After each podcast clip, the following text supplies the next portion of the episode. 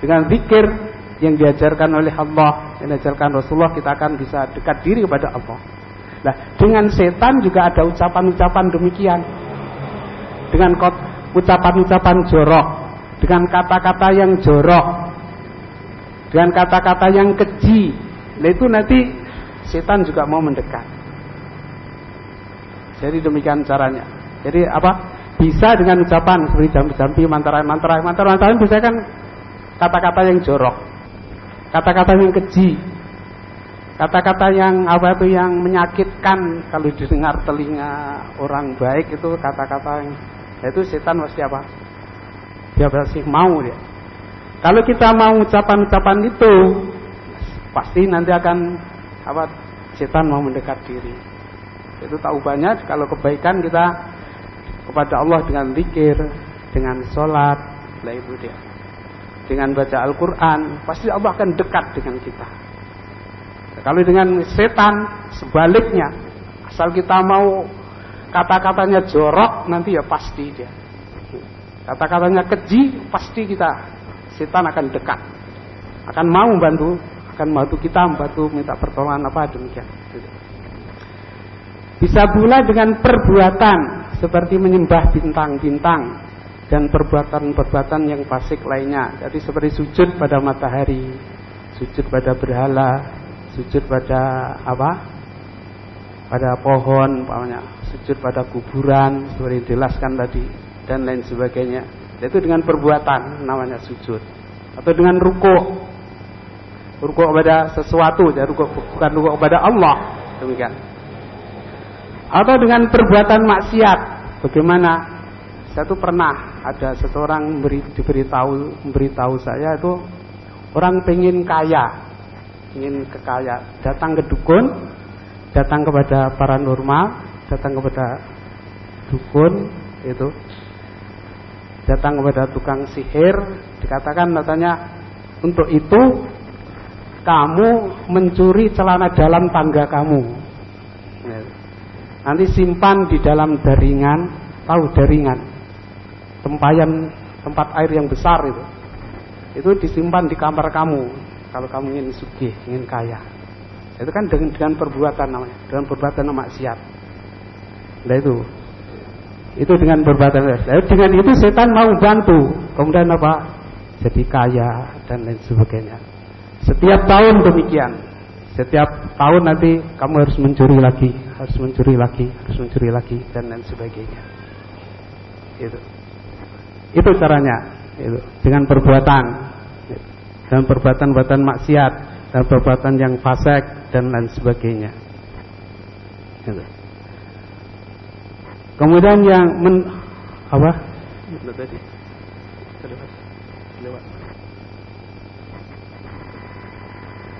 Bisa pula dengan perbuatan eh yang ketiga dengan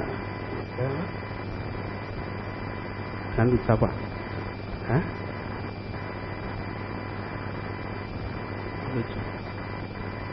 Menurut, menurut Ibu Kudamah Rahimullah yaitu adalah ikatan-ikatan dan mantra-mantra yang diucapkannya atau ditulisnya yaitu definisi yang selanjutnya yaitu eh, B menurut ya eh, bisa dengan iktikad itu ya yang paling atas. Bisa dengan iktikad dengan keyakinan. Dengan jadi bisa kita data ini dengan keyakinan.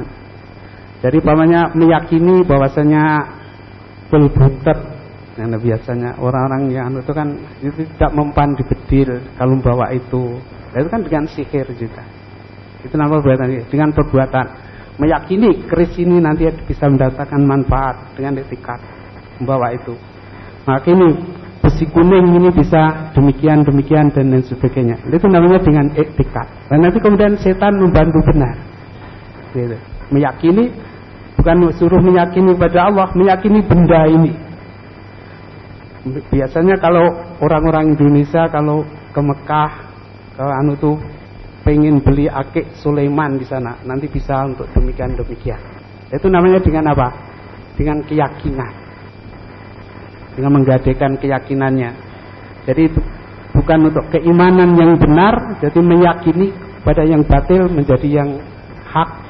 Itu nanti setan kemudian bantu benar. Ya benar seperti meyakini kul buntut demikian bukan. Kemudian akhirnya dibedil tidak mempan dan misalnya kan sihir itu. Itu kan bantuan dari setan itu demikian. Itu namanya dicapai dengan apa? Eh, tikat dengan keyakinan demikian. Itu bisa dengan etikat. Jadi menurut jumhur ulama perkara yang luar biasa yang muncul dari jiwa yang jelek. Sihir itu adalah menurut jumhur perkara yang luar biasa yang muncul dari jiwa yang jelek, yang jelek dengan cara melakukan perbuatan-perbuatan tertentu, perbuatan-perbuatan yang jelek tadi. Itu. Pasti dengan perbuatan jelek. Luar biasa tapi apa dengan dengan perka, apa? Dengan melakukan perbuatan-perbuatan yang tidak baik.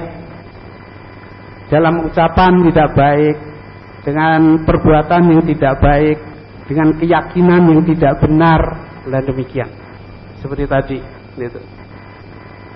yang jelek dengan melakukan perbuatan-perbuatan tertentu.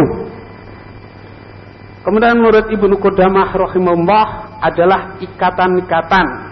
Jadi biasanya orang-orang yang mensihir, orang-orang yang menyantet, orang-orang yang meneluh, orang-orang yang memelet, itu kan pakai syarat kalau orang bahasa Indonesia orang Jawa katanya pakai syaratnya. Syaratnya kadang-kadang bisa dengan ikatan, dengan menali apa? kembang atau menali garam atau menali apa tuh kain putih diikat. Kemudian di mantra-mantra yang diucapkannya atau ditulisnya biasanya di rajah-rajah ditulisnya begitu kan? Ya rajah itu kan ditulis kan? Itu dan lain sebagainya. Itu namanya semuanya adalah sihir. Atau melakukan yang suatu yang bisa mempengaruhi badan orang yang disihir.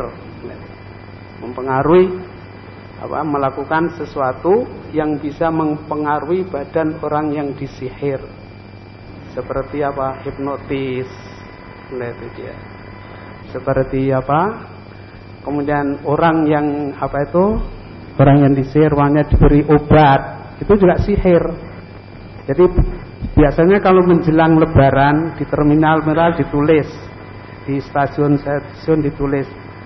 Awas hati-hati dengan orang yang baru anda kenal kalau memberi minuman. Nah itu kan dimasukkan bius, masukkan obat supaya orang itu nanti apa tidur tidak ingat kemudian diambil barangnya. Itu namanya juga sihir tapi pakai tidak pakai setan tapi dengan apa? Obat-obatan. Gitu. Kalau dalam definisinya Syekh Muhammad Soleh Utsaimin itu namanya akokir dengan obat-obatan dari daun-daunan. Jadi bukan daun-daunan dari kimia juga bisa. Itu. Namanya juga sihir. Itu juga. Bisa apa Syekh Muhammad Shalih Utsaimin mengatakan itu sihir juga. Jadi sihir itu bisa dengan melalui setan dan melakukan perbuatan yang jelek tadi dan bisa dengan obat-obatan dengan akokir gitu. Bisa mengaruhi badan orang yang disihir, mempengaruhi hatinya, mempengaruhi akalnya. Jadi kalau nanti dengan setan kan bisa mempengaruhi hatinya. Nanti akan kita bahas dalam apa dalam macam-macam sihir. Mengarai hatinya. Hatinya dulu cinta jadi benci. Dunia benci dari cinta dan lain sebagainya. Atau mempengaruhi akalnya. Ya, mempengaruhi akalnya. Tanpa menyentuhnya. Mempengaruhi akalnya bagaimana? Akalnya bisa atau apa? Bisa hilang dan lain sebagainya. Dan itu benar.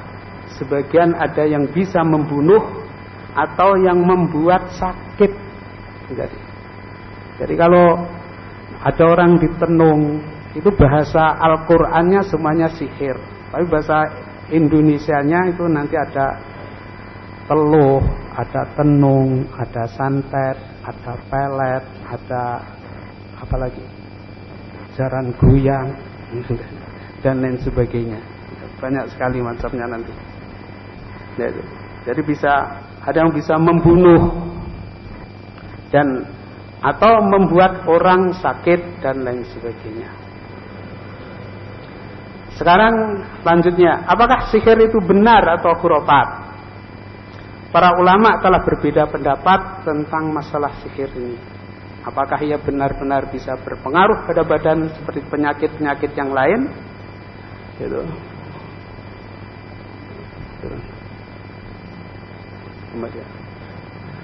Atau hanya khayalan saja dan tidak ada hakikatnya.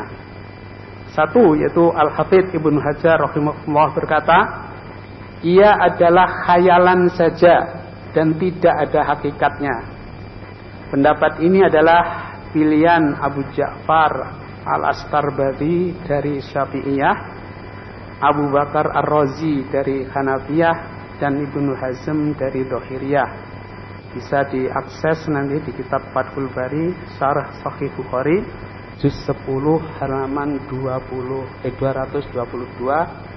Kemudian juga dalam kitab Umdatul Qari juz 21 halaman 227. Jadi, dia berkata demikian tadi.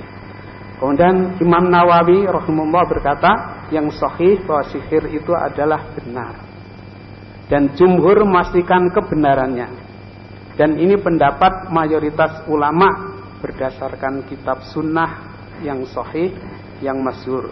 Itu juga bisa dilihat dalam kitab Sahih Bukhari, Fathul Bari ya nih, di dalam kitab Fathul Bari juz 10 halaman 222 juga pendapat ulama demikian.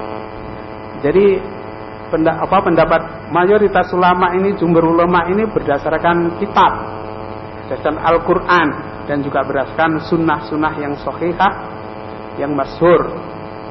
Itu demikian tentang apa pendapat para ulama. Jadi kita tidak boleh menafikan tapi kita harus meyakini itu adalah benar ada. Tapi keyakinan kita mengakui keberadaannya karena memang di dalam Al-Quran, dalam Sunnah dan disebutkan.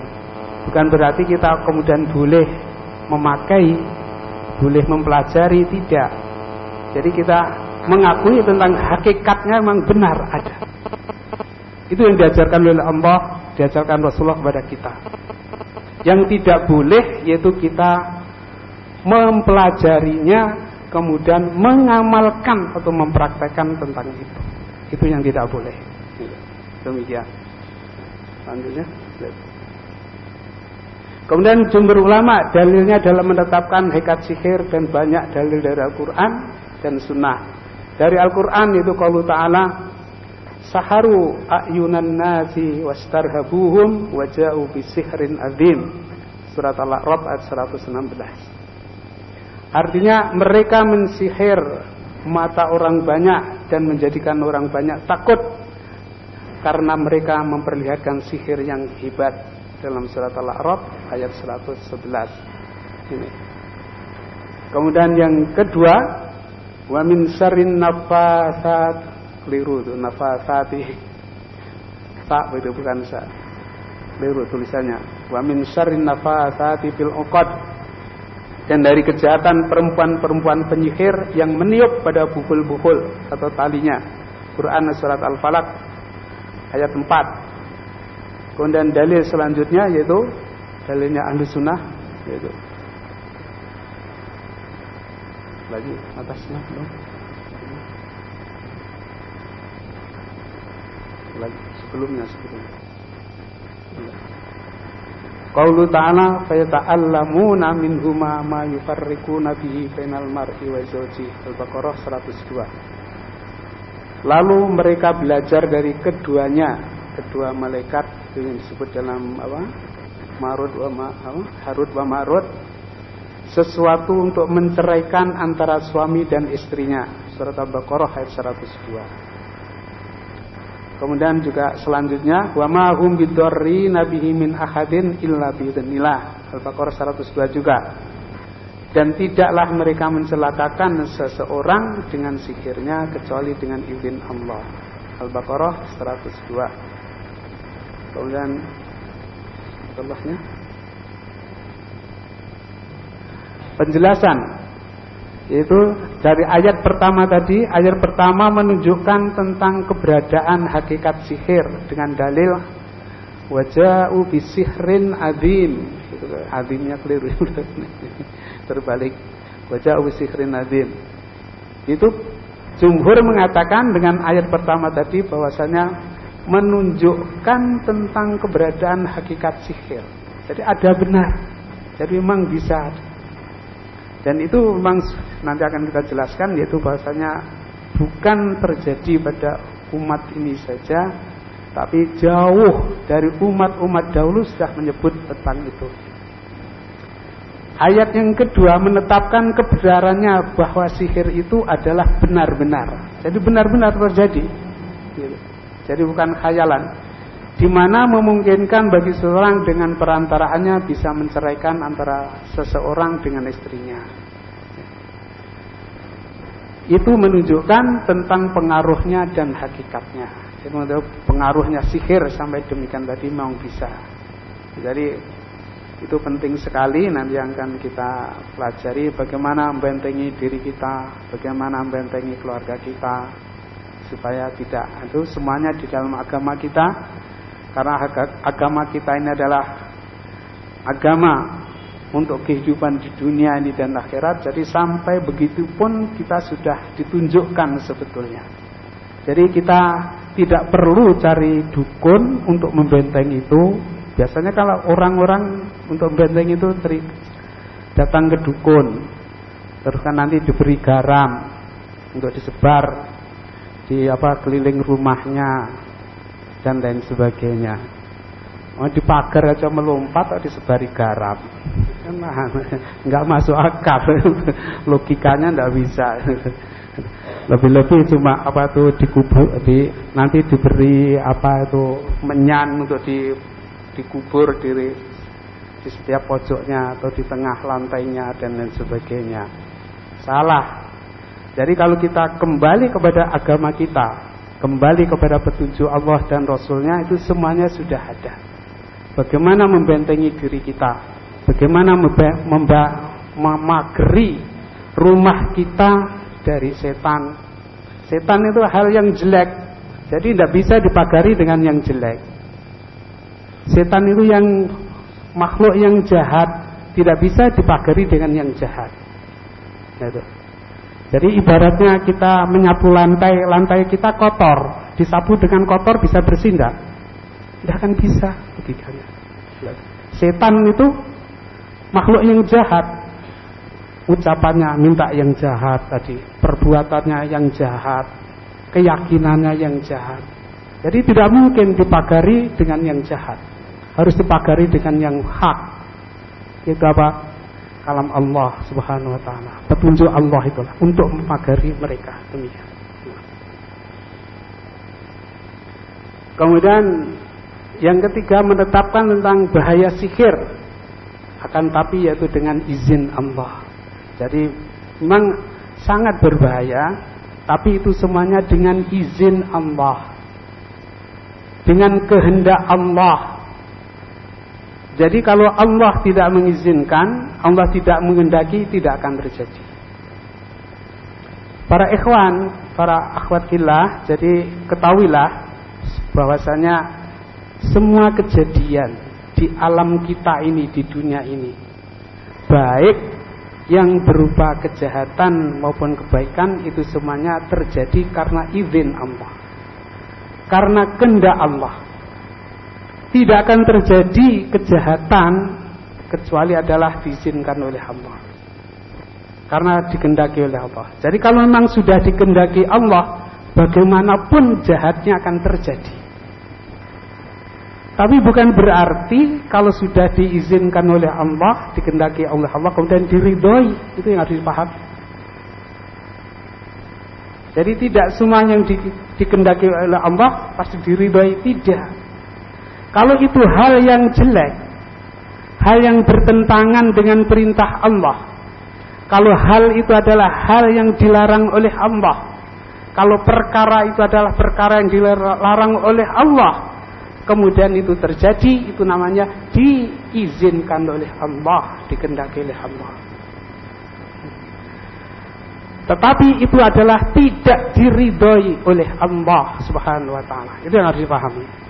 Karena ini banyak orang tidak mengerti demikian.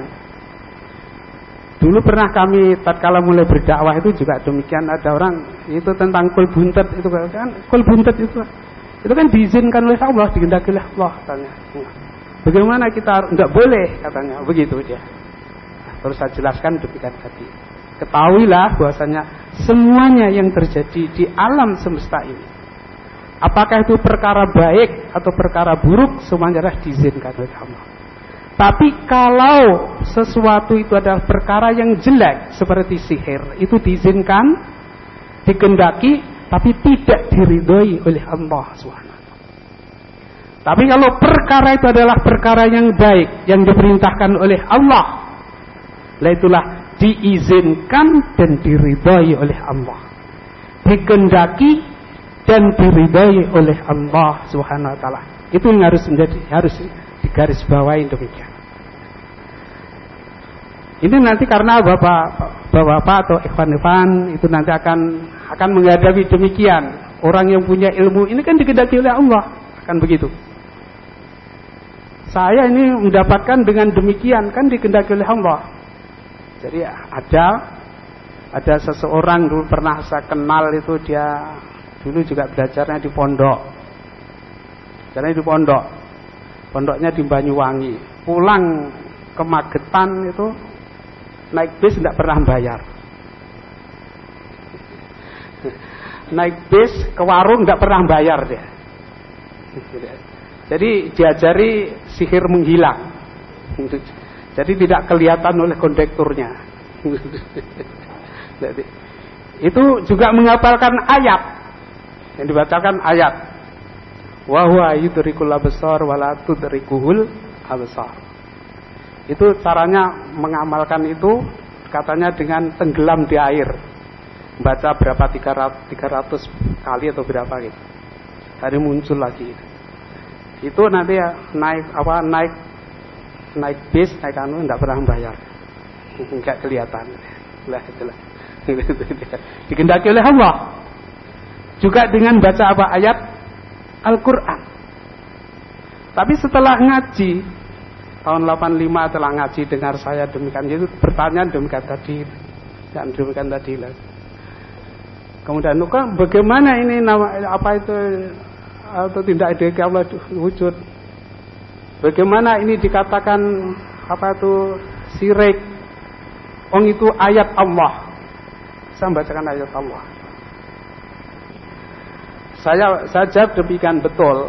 Tapi satu namanya Bapak itu namanya sirkun. Sirik niat ketika Niat Bapak ketika membaca Al-Quran bukan untuk mencari keridhaan Allah. Tapi adalah supaya Bapak bisa menghilang itu tadi lain. Ayat-ayat Allah, membaca ayat itu kan beribadah. Jadi harus untuk beribadah kepada Allah, mencari ridho Allah. Bapak tidak. Jadi untuk supaya bisa menghilang. Sekarang kalau menghilang, kalau sampai apa itu naik bis berkali-kali tidak bayar, itu maling atau mukjizat. Gitu yang ngajari malaikat atau yang mengajari setan yang mengajari maling demikian. Ingat, setan ngajari apa tadi? Yang jelek kan?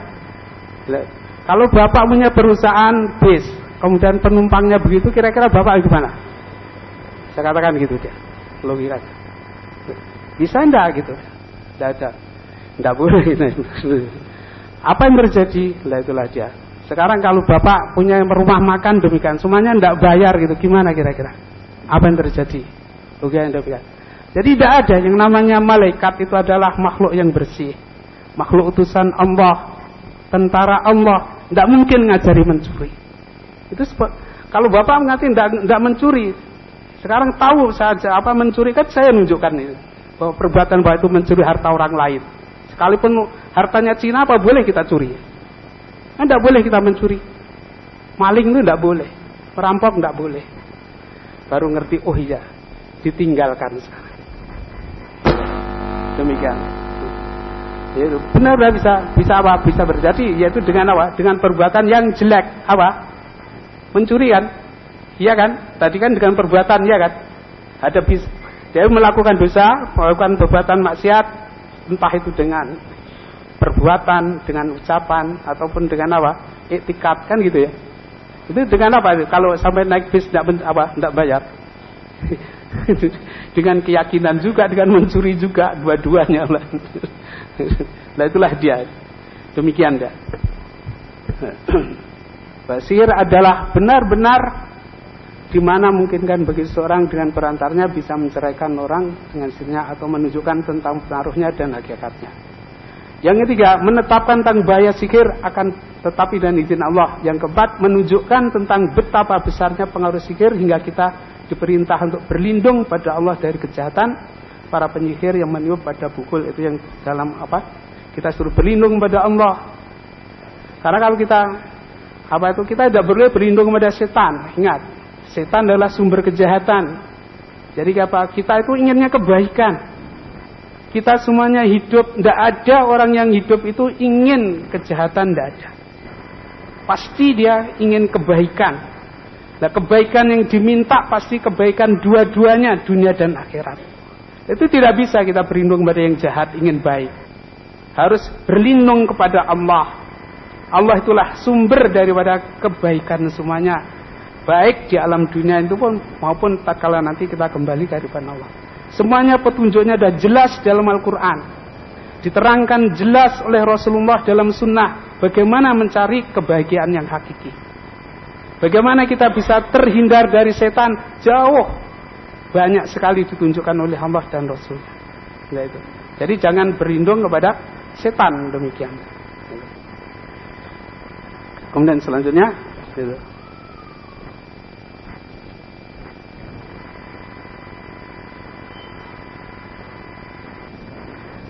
Dari hadis mereka berdalil dengan hadis tersihirnya Nabi Muhammad SAW yang diriwayatkan oleh Imam Bukhari dan Imam Muslim di mana seorang Yahudi menyihir Nabi SAW hingga beliau menderita beberapa hari.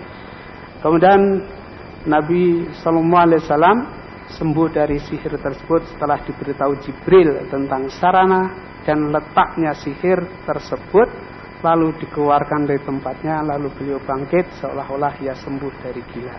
Hadis riwayat Bukhari dalam 40 bari juz 10 halaman 221 juga demikian.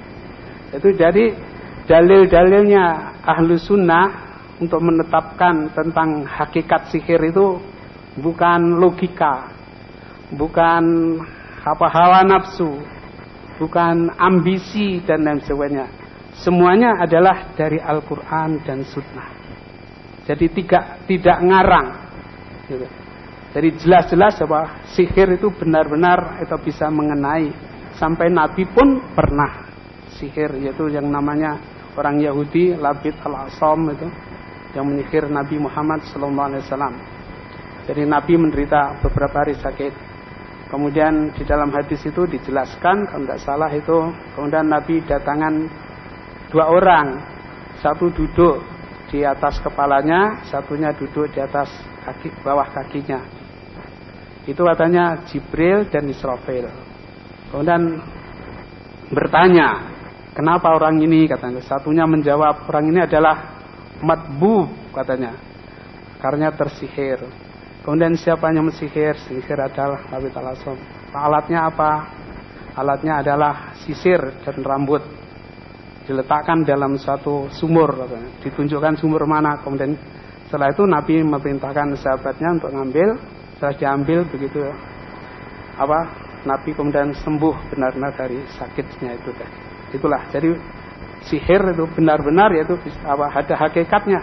Jadi kita pun juga bisa. Oleh karena itu tidak nanti kalau sudah belajar sudah tahu obat-obatnya jangan menyombongkan diri bisa antet tenan kena enggak ya kita yakin ada dan kita melindungi diri kita itu dengan dengan ayat-ayat tersebut demikian caranya. Jadi tidak boleh apa sombong karena kalau sudah sombong nanti setan yang masuk. Sombong jahat kan, jadi setan masuk dia. Sihir di pandangan Allah. Wa ma kafara Sulaiman walakinna syayatina kafaru yu'allimuna an-nasa sihra. Dan tidaklah Sulaiman itu kafir, akan tetapi setan-setan itulah yang kafir. Mereka mengajari manusia sihir. Jadi menurut pandangan Allah, jadi belajar sihir, mengamalkan sihir atau jadi tukang sihir, jadi dukun, jadi paranormal itu adalah tidak baik, kufur, kafir. Gitu dia. Kufur ya. Jadi itu pandangan Allah. Kita ini katanya percaya beriman pada Allah. Kita ini adalah bertakwa kepada Allah.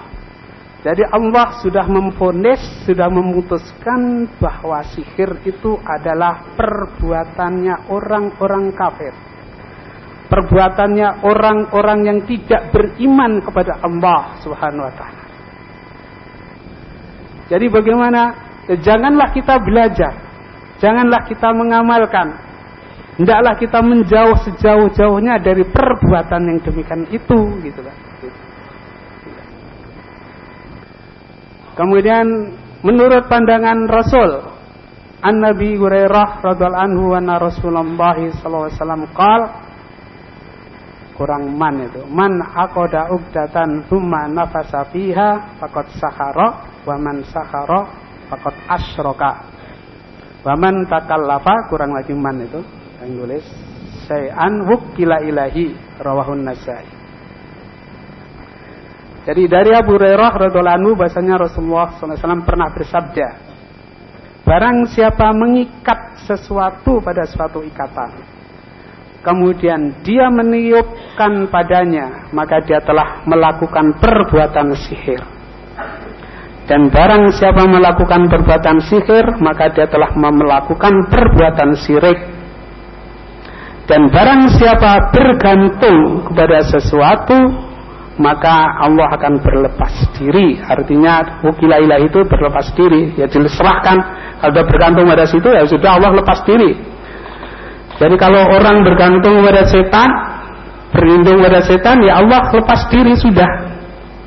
Lepaskan ya kesampan pengennya kamu pengennya bergantung pada setan ya silahkan monggo bergantung setan. Kamu inginnya bergantung pada keris ya silahkan bergantung pada keris.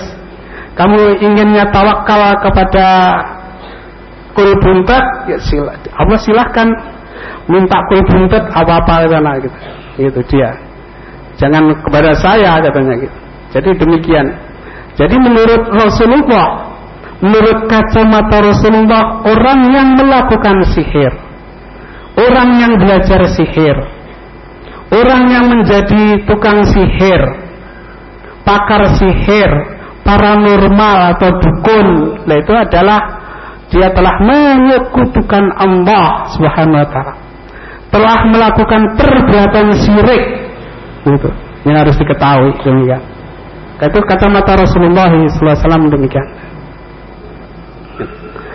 Kemudian yang ketiga yaitu perbuatan syirik menurut pandangan orang kafir. Itu disebutkan oleh Allah dalam surat Dariyat ayat 39. Wa fi Musa id arsalnahu ila fir'auna mubin fatawalla biruknihi wa qala sahirun aw majnun. Dan pada masa dan pada Musa tatkala kami mengutusnya pada Fir'aun dengan ilmu yang jelas lalu ia berpaling ianya Fir'aun. Fir'aun berpaling dengan para tentaranya dan ia mengatakan dia itu dia Musa dengan di sini seorang dukun dan gila. Jadi menurut Fir'aun saja itu Fir'aun itu kalau saya ngatakan itu ketua umumnya kufur internasional itu Fir'aun. Dewan suronya kan iblis dia. Gus Iblis itu Dewan Suronya.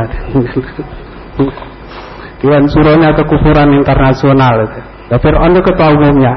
Menurut kacamata Fir'aun aja dia untuk menghina Musa bahwasanya itu adalah apa yang dibawa itu benar itu mengatakan dia sahirun majnun. Adalah dia tukang sihir yang gila. Berarti apa itu? Menurut Fir'aun berarti.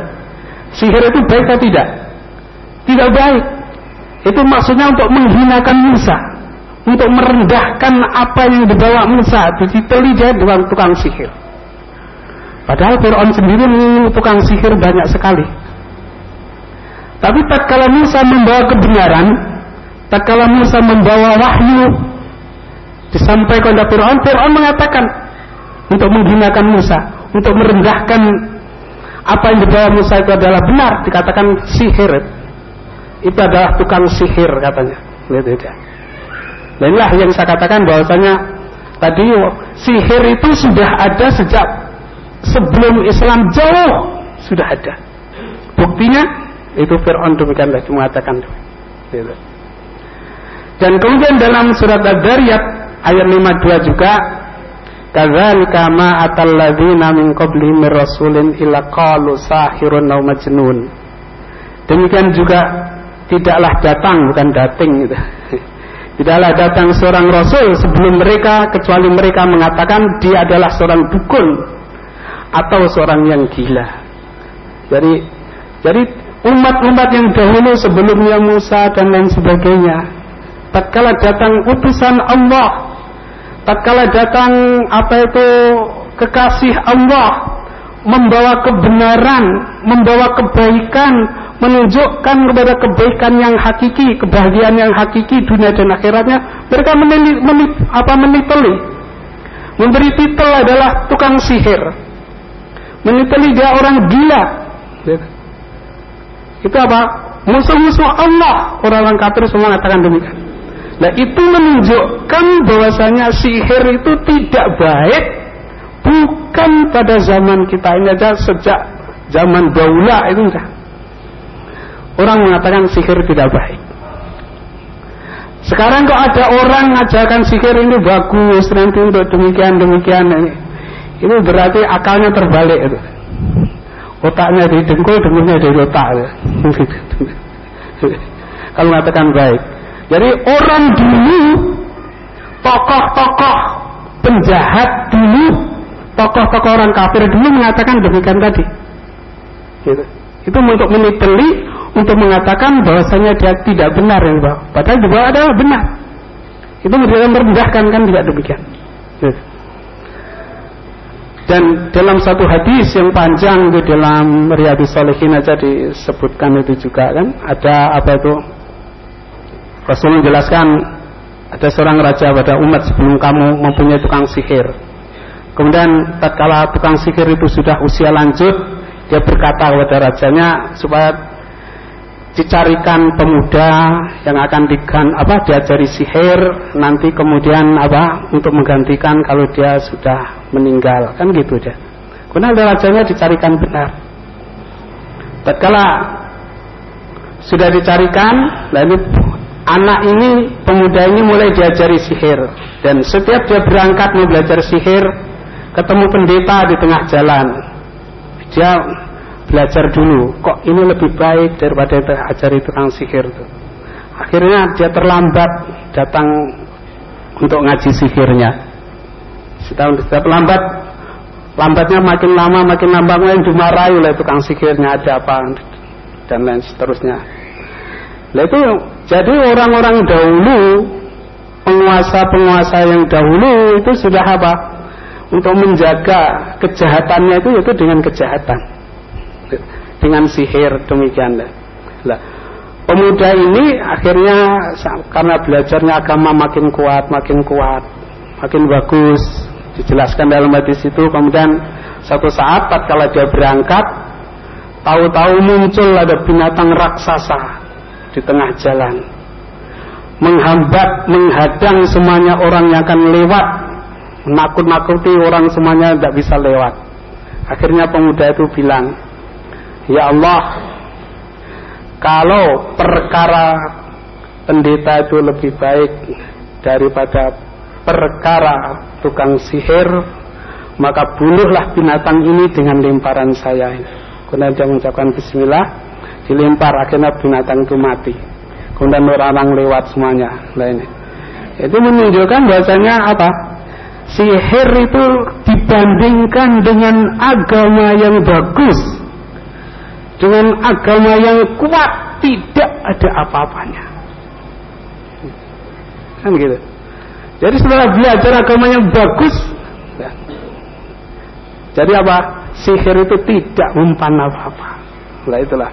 Jadi kalau kita ingin menanggulangi, ingin membentengi tentang masalah itu, maka kita harus kita kokohkan agama kita, keimanan kita, ketakwaan kita dan lain sebagainya. Itu kalau kita paham ilmu agama dengan baik, kita pasti tidak akan ke situ. Pasti akan menjauh dan akan apa? membentengi yaitu dengan kebaikan-kebaikan, dengan kebenaran-kebenaran yaitu yang datang dari Allah Subhanahu wa taala. Jadi insya Allah kalau kita kuat agama kita, benar akidah kita, benar tauhid kita, benar amalan kita, maka insya Allah Hukum sihir. Mana? Istirahat. Bentar juga. Hukum sihir dari satu itu kufur menurut para ulama itu kufur yaitu yang berperantara dengan setan isti'anah dengan apa? Setan. Berada setan atau ada. Yang kedua itu udwan dalam bahasa Arabnya itu.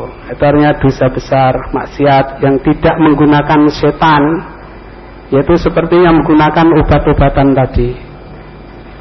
Menggunakan obat-obatan atau menggunakan apa itu kecepatan apa itu kecepatan mainan tangan seperti yang dilakukan tukang sulap itu itu kata itu tidak apa tidak tidak kufur jadi Imam Muhammad Sallallahu Alaihi bagi itu ada dua hukumnya itu bisa kufur dan yang kedua yang tidak menggunakan setan yang tidak sujud kepada apa itu bintang yang tidak berdoa kepada selain Allah itu insya Allah apa tidak kufur, tidak syirik.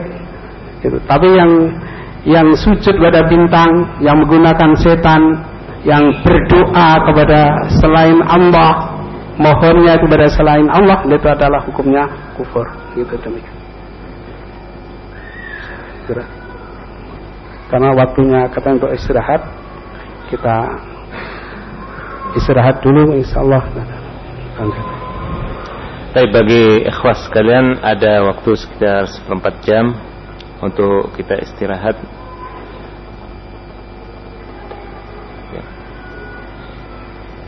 Dimulai dari sekarang hingga 15 menit ke depan.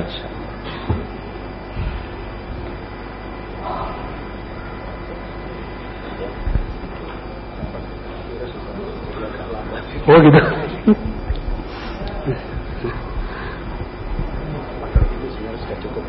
Oh gitu. Iya. Istirahat. Itu bisa? Pakai itu cukup. Oh gitu. Tadi diberikan. Tadi kan dapat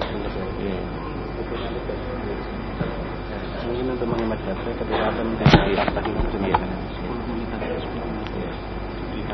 Karting. Pemberitahuan ulang bahwa istirahatnya dimajukan menjadi 10 menit ya. Dipotong 5 menit.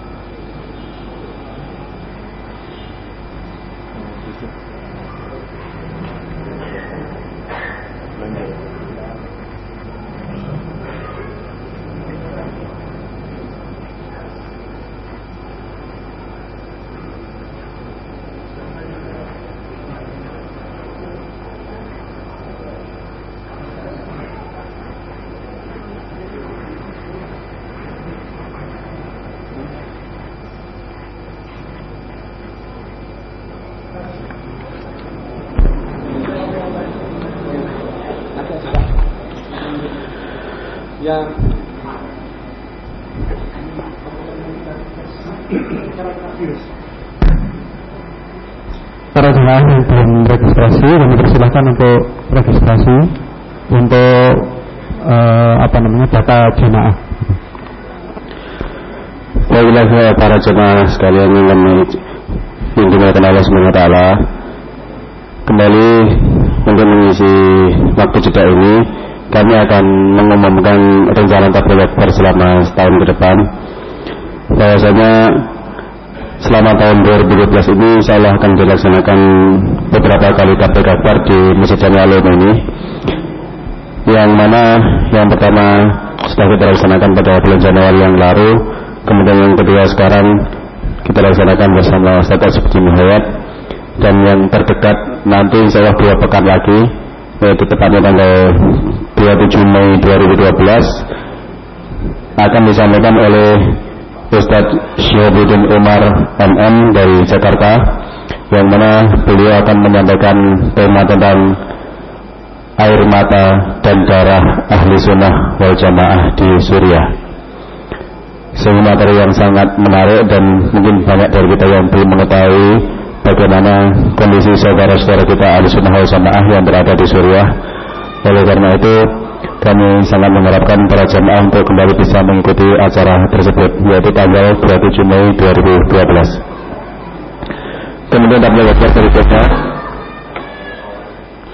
Akbar berikutnya akan kami laksanakan pada tanggal 10 Juni 2012 dengan pemateri Ustadz Aris Sugiantoro yang beliau dari Pondok Al-Ukhwah Sukoharjo Surakarta, Jawa Tengah dan akan menyampaikan tema tentang kiat menjadi pelajar dan mahasiswa berprestasi. Berikutnya pada tanggal 22 Juli 2012, tablik akbar di Masjid Al ini akan disampaikan oleh Ustadz Hartono Ahmad Jais dari Jakarta yang mana beliau akan menyampaikan tema tentang melindungi diri dan keluarga dari bahaya paham liberalisme. Sedangkan pada tanggal 30 September 2012 yang akan menyampaikan tablik akbar di Masjid Al-Um ini adalah Al Ustaz Khalid Samudi LC dari Soekarjo Solo yang beliau akan menyampaikan tema tentang mukjizat Nabi Muhammad Sallallahu Alaihi Wasallam di era modern. Sedangkan pada tanggal 11 November 2012, tablik akbar akan dilaksanakan dengan pemateri Ustadz Aris Munandar SSMA yang dari Yogyakarta dengan tema dia menjadi pemuda sukses dunia akhirat. Sedangkan yang terakhir di tahun 2012 ini akan disampaikan oleh Al-Ustaz Dr. Muhammad Arifin Badri dari Jember pada tanggal 30 Desember 2012 dengan tema masa depan ekonomi syariah di Indonesia. Itu insya Allah rencana tabligh akbar yang akan kita laksanakan di Masjid Jami Al ini selama tahun 2012. Pelaksanaannya sama yaitu setiap hari pada hari Ahad pada tanggal-tanggal tersebut dan dimulai insya Allah pada jam 9 pagi seperti hari ini. Dan juga kami informasikan kepada para jamaah untuk membantu kesuksesan acara rangkaian tabligh tersebut. Jadi kami juga menerima bantuan dari para peserta, para jamaah. Selain itu juga kami mohon kerjasamanya dari para jamaah untuk bisa membantu kelancaran acara di antaranya dengan yaitu di antaranya dengan membantu publikasi kegiatan tersebut terus kemudian yang kedua kalaupun misalkan ada jamaah yang bersama yang membeli kedatangan rezeki bisa membantu dari segi pendanaan dan juga bagi para jamaah yang mungkin bisa membantu dari segi tenaga untuk mencarikan donatur silahkan berhubungan dengan Tamir untuk bisa membawa proposal dari Tamir agar disampaikan kepada para donatur yang bisa membantu kelancaran acara tabligh akbar tersebut. Ya, cukup itu.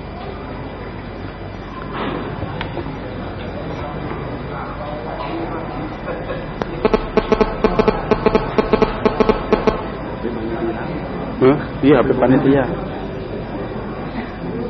sebagai panitia Baiklah mungkin itu sambil menunggu kelanjutan acara silakan dinikmati break snack yang ada. Adapun untuk para umahat mungkin harap sabar sebentar karena masih dalam perjalanan sebagian senatnya jadi belum datang untuk para umat mungkin bisa lebih sabar sebentar.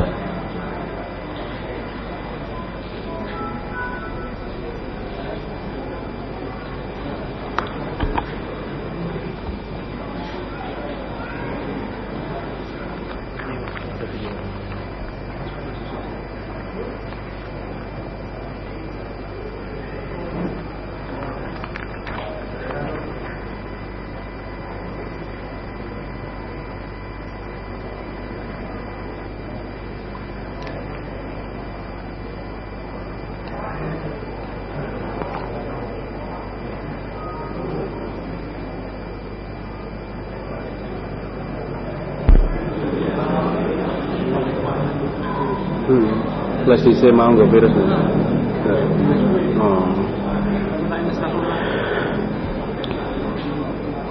Sambil menunggu juga kami perlu sampaikan kepada para jamaah semuanya dan juga mungkin para pendengar radio Al FM yang ada di seputaran Malang Raya dan juga di seluruh dunia yang mengikuti radio via streaming.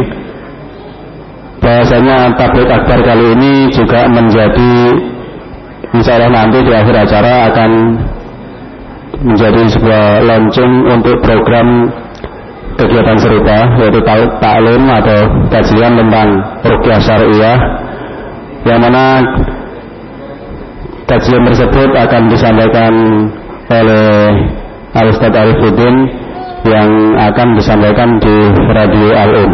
Adapun jadwalnya nanti insya Allah di akhir acara akan kami sampaikan.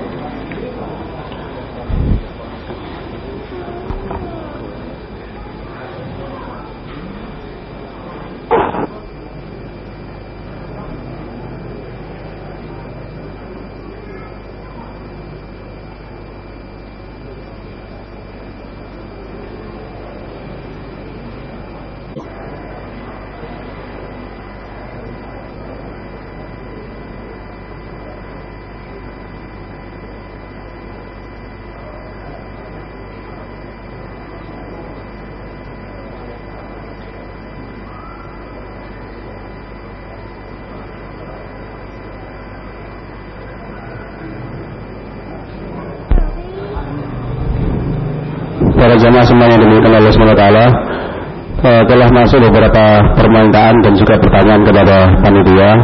Biasanya banyak di antara jamaah ini yang menginginkan uh, kopi atau rekaman dari kegiatan kali ini baik itu berupa file kemudian video maupun audionya. Uh, untuk kepastian kapan siap untuk diedarkan insya Allah menunggu pengumuman selanjutnya dari panitia jadi mungkin harus bersabar sebentar karena membutuhkan waktu untuk editing video audio dan juga uh, penyesuaian-penyesuaian dari rekaman kali ini. Mungkin ya kami harapkan berikutnya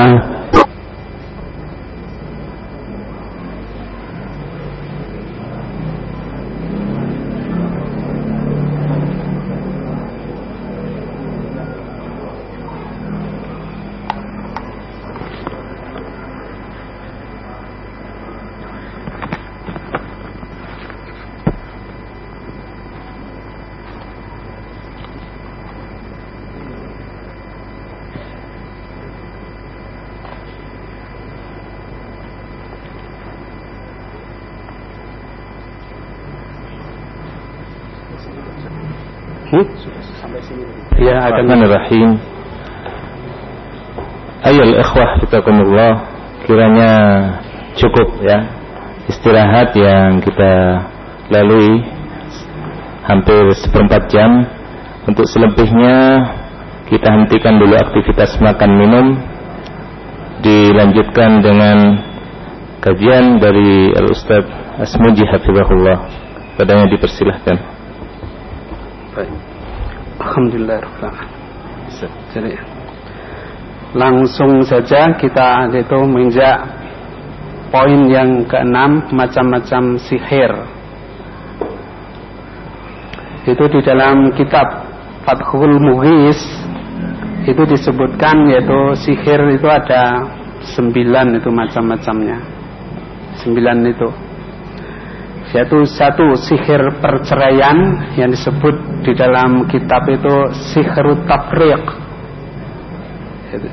itu disebutkan dalam surat Baqarah 102 tadi. Yang kedua sihir cinta atau mahabbah. Dalam hadis itu disebutkan dengan tiwalah. Kalau di dalam bahasa orang Jawa yang bahasa pondok-pondok yang ajarkan di sini namanya sihir jaran guyang. Demikian deh katanya sihir mahabbah. Kemudian yang ketiga sihir menghayal atau ngelamun. Jadi orang kalau disihir nanti kemudian ngelamun, menghayal. Jadi sering bingung tapi saya tidak ngerti apa yang saya bingungkan. Gitu dia. Itu kalau kena sihir kalau disihir itu namanya sihir ngelamun sihir takhil. Kemudian sihir gila junun al junun yaitu disihir supaya orang jadi gila. Kemudian bagaimana nanti kejadiannya itu nanti akan kita pelajari, kita terangkan satu persatu nanti pokoknya. Yang kelima sihir lemah atau males kelemahan. Lemah atau males itu dalam bahasa Arabnya al-humul.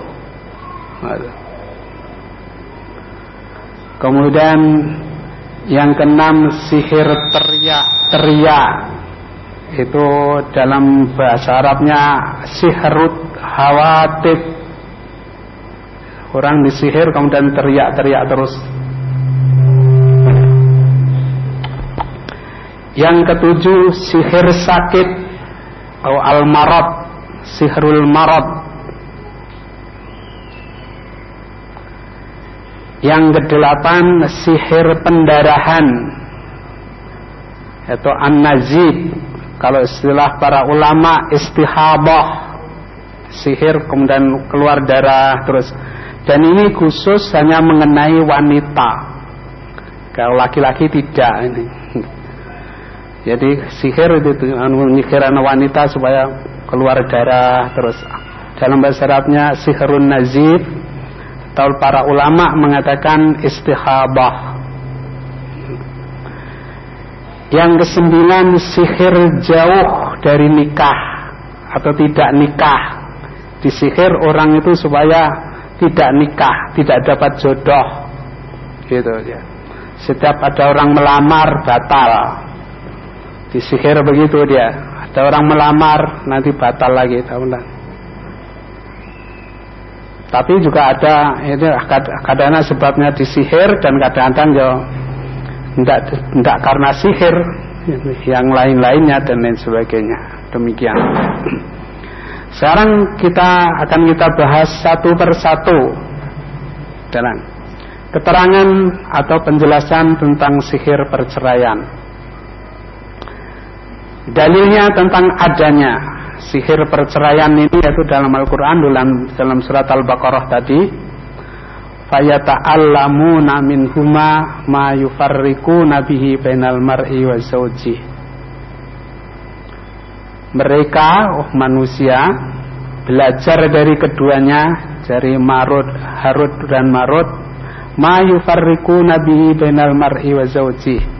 Sesuatu untuk bisa menceraikan antara seseorang dengan istrinya dengan jodohnya. Mulai itu. Kemudian lagi wa mahum bidarina tadi yang lanjutnya. Kemudian dalil yang kedua dari hadis An Jabir An Jabir ibni Abdullah radhiallahu anhu qol qala Rasulullah sallam inna iblis yad'u arsyahu alal ma' thumma yab'athu sarayahu fadnahum minhu mangsilatan a'damuhum fitnatan. Yaji wakaduhum fayaqul fa'altu kada wa kada. Fayaqul ma sana'ta syai'an. Qala thumma yaji wakaduhum fayaqul ma taraktuhu hatta faraqtu baina wa baina imra'atihi qala fayudnihi minhu. Fayaqul na'am anta qala al-amas arahu qala fayal fal fayal tazimhu rawahu muslim dalam hadis nomor 3813 Artinya dari Jabir radhiyallahu anhu telah berkata, telah bersabda Rasulullah SAW, sesungguhnya iblis meletakkan arsnya di atas air.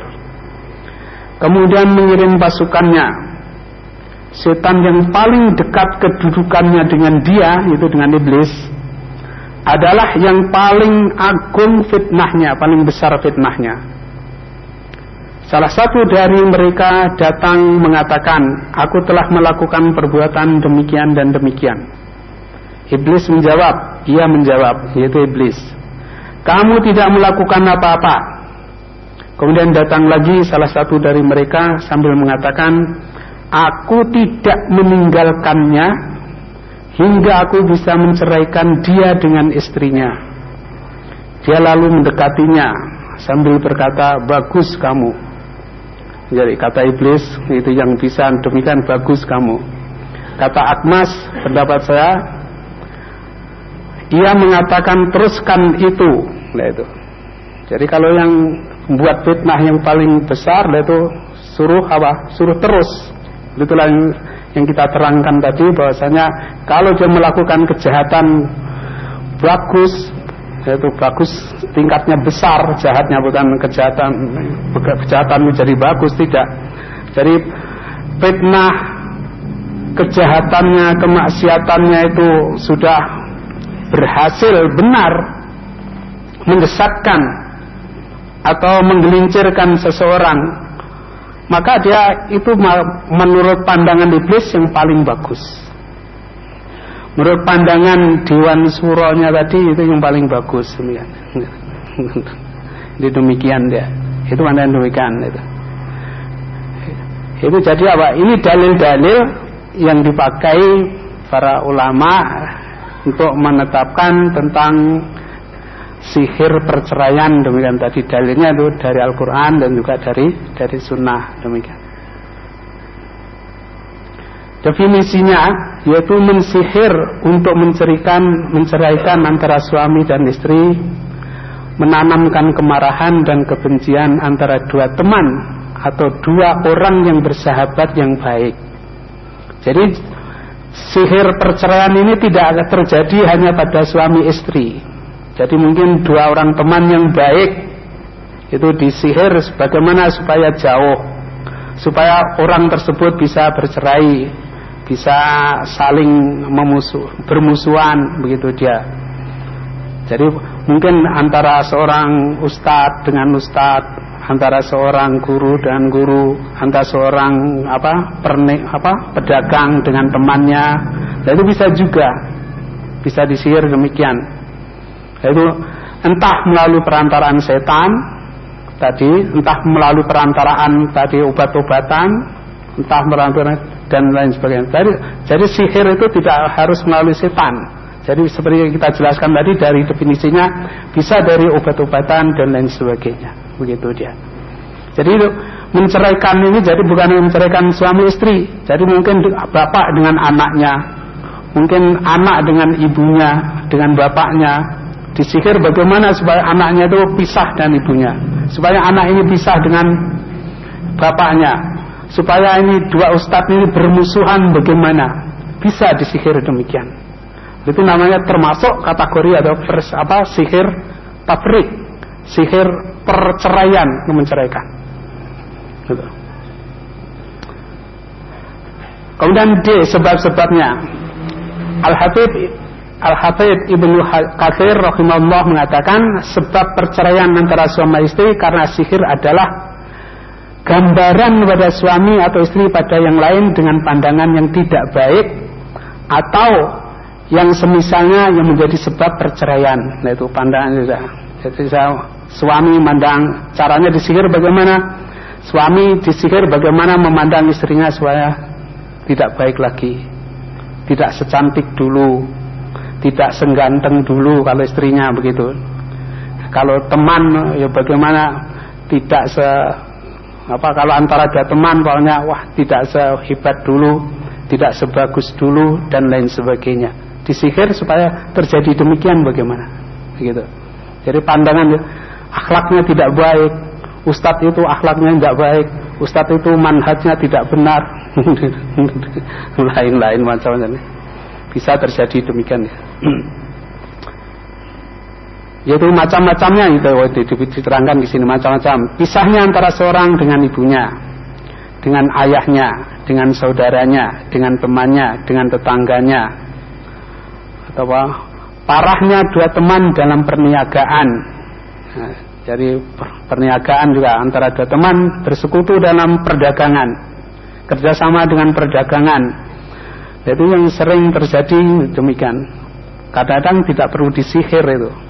Atau mungkin disihir orang yang hasad. Bagaimana?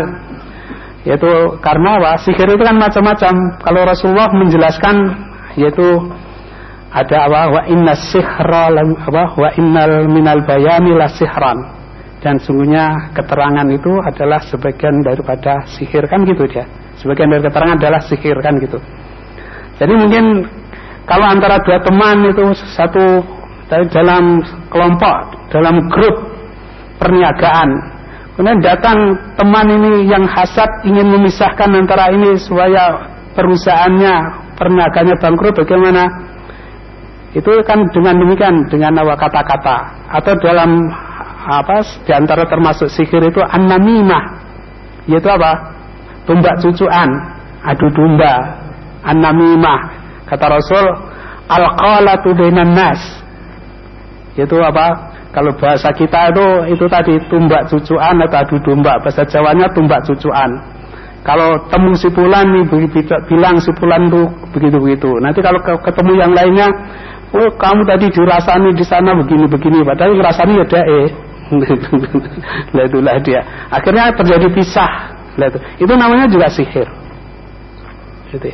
Jadi dengan tumbak cucuan juga bisa sihir. Dengan namimah juga bisa sihir dengan keterangan yang menyesatkan dan diadu domba itu tadi itu namanya juga sihir. Itu kan dengan halus bagaimana memisahkan seseorang ini dengan orang ini gitu. Kalau seorang suami pada seorang istri juga tidak perlu pakai setan, perlu dengan kata-kata saja, tumbak cucuan tadi atau dengan apa domba. Ah jenenge wong lanang kok percaya temen eh, gitu. Gak gak wong lanange ada ya golek. Adu domba. Bisa domba. Bareng gitu wis terparuh. Ya wis ngene. Gentaning putrinya ya gitu. Wah gentaning laki-lakinya gitu. Wong itu kok tinggal sasen-sasen alah nang omah golek tempurne. Lah. Dengan keterangan itu namanya juga sihir. Adu domba. Itu disihir. Dengan itu kemudian akhirnya apa terjadi perceraian terjadi selingkuh dan lain sebagainya lah gitulah dia gitu. nah, cerai gitu deh. jadi sihir itu jadi nanti kan di dalam kitab itu jadi pokok-pokoknya jenisnya ini jadi ada, ada apa itu ada namimah ada keterangan ada apa itu belajar ilmu nujum kemudian ada ini apa ada aturuk aturqa, at-tiarah, itu juga semuanya adalah nanti termasuk bagian-bagian dari sihir. Gitu. Karena itu mensihir orang dengan halus. Definisinya bahasa tadi kan gitu kan. Sihir apa? Segala sesuatu yang sebabnya halus dan tersembunyikan halus dengan kata-kata. Gitu. Dengan apa itu dengan itu tadi gitu. Dan untuk menceraikan seorang dengan dengan berapa jalan perubahannya demikian tadi. Gejalanya yaitu berubahnya sikap dengan cepat dari cinta menjadi benci dan banyak ragu. Nah, jadi gejalanya itu bagaimana orang kena sihir ya. Berubahnya sikap dengan cepat. Kemarin masih senang, kemarin masih biasa, kok sekarang tiba-tiba demikian. Tiba-tiba berubah. Kemarin itu ketemu baik-baik, kok tahunya sekarang ketemu pengajian di sana mentahdir ini demikian demikian. Ah ini pasti ada yang namimah ini. ada yang madu domba ada yang alqalatu bainan bainan nas itu dia demikian kalau antara ustadz mungkin lebih ya membesarnya sebab perselisihan sekalipun karena masalahnya sepele. Hmm. gara-gara sepele sekali. Apa itu? Senangannya sambelnya suaminya itu banyak sambel kacang sambel terasi kan gak neng kacang pas entek sebab sambel sambel dilempar ning bojone lempar lah kan sebab sepele kan. Itu dia. Sebab sepele aja. Dan lain sebagainya. Jadi sebab-sebabnya sepele itu dari yang besarnya sebab perselisihan sekalipun karena masalah sepele sekali. Masalah sepele sekali. Sebab pamannya kopinya atau nasinya atau waktu pulang dia belum siap makannya dan sebab sepele kalau saya belum siap dan jupuk di bel bel bel bel beral. enggak enggak saya ini nanti jadi masalah nih. Belum siap ya dan ngimbu dewa luwe nang bar.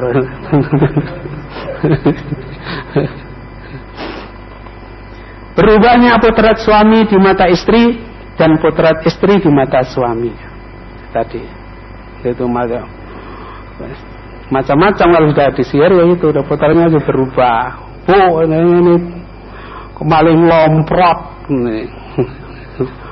dan lain sebagainya seterusnya seterusnya demikian itu.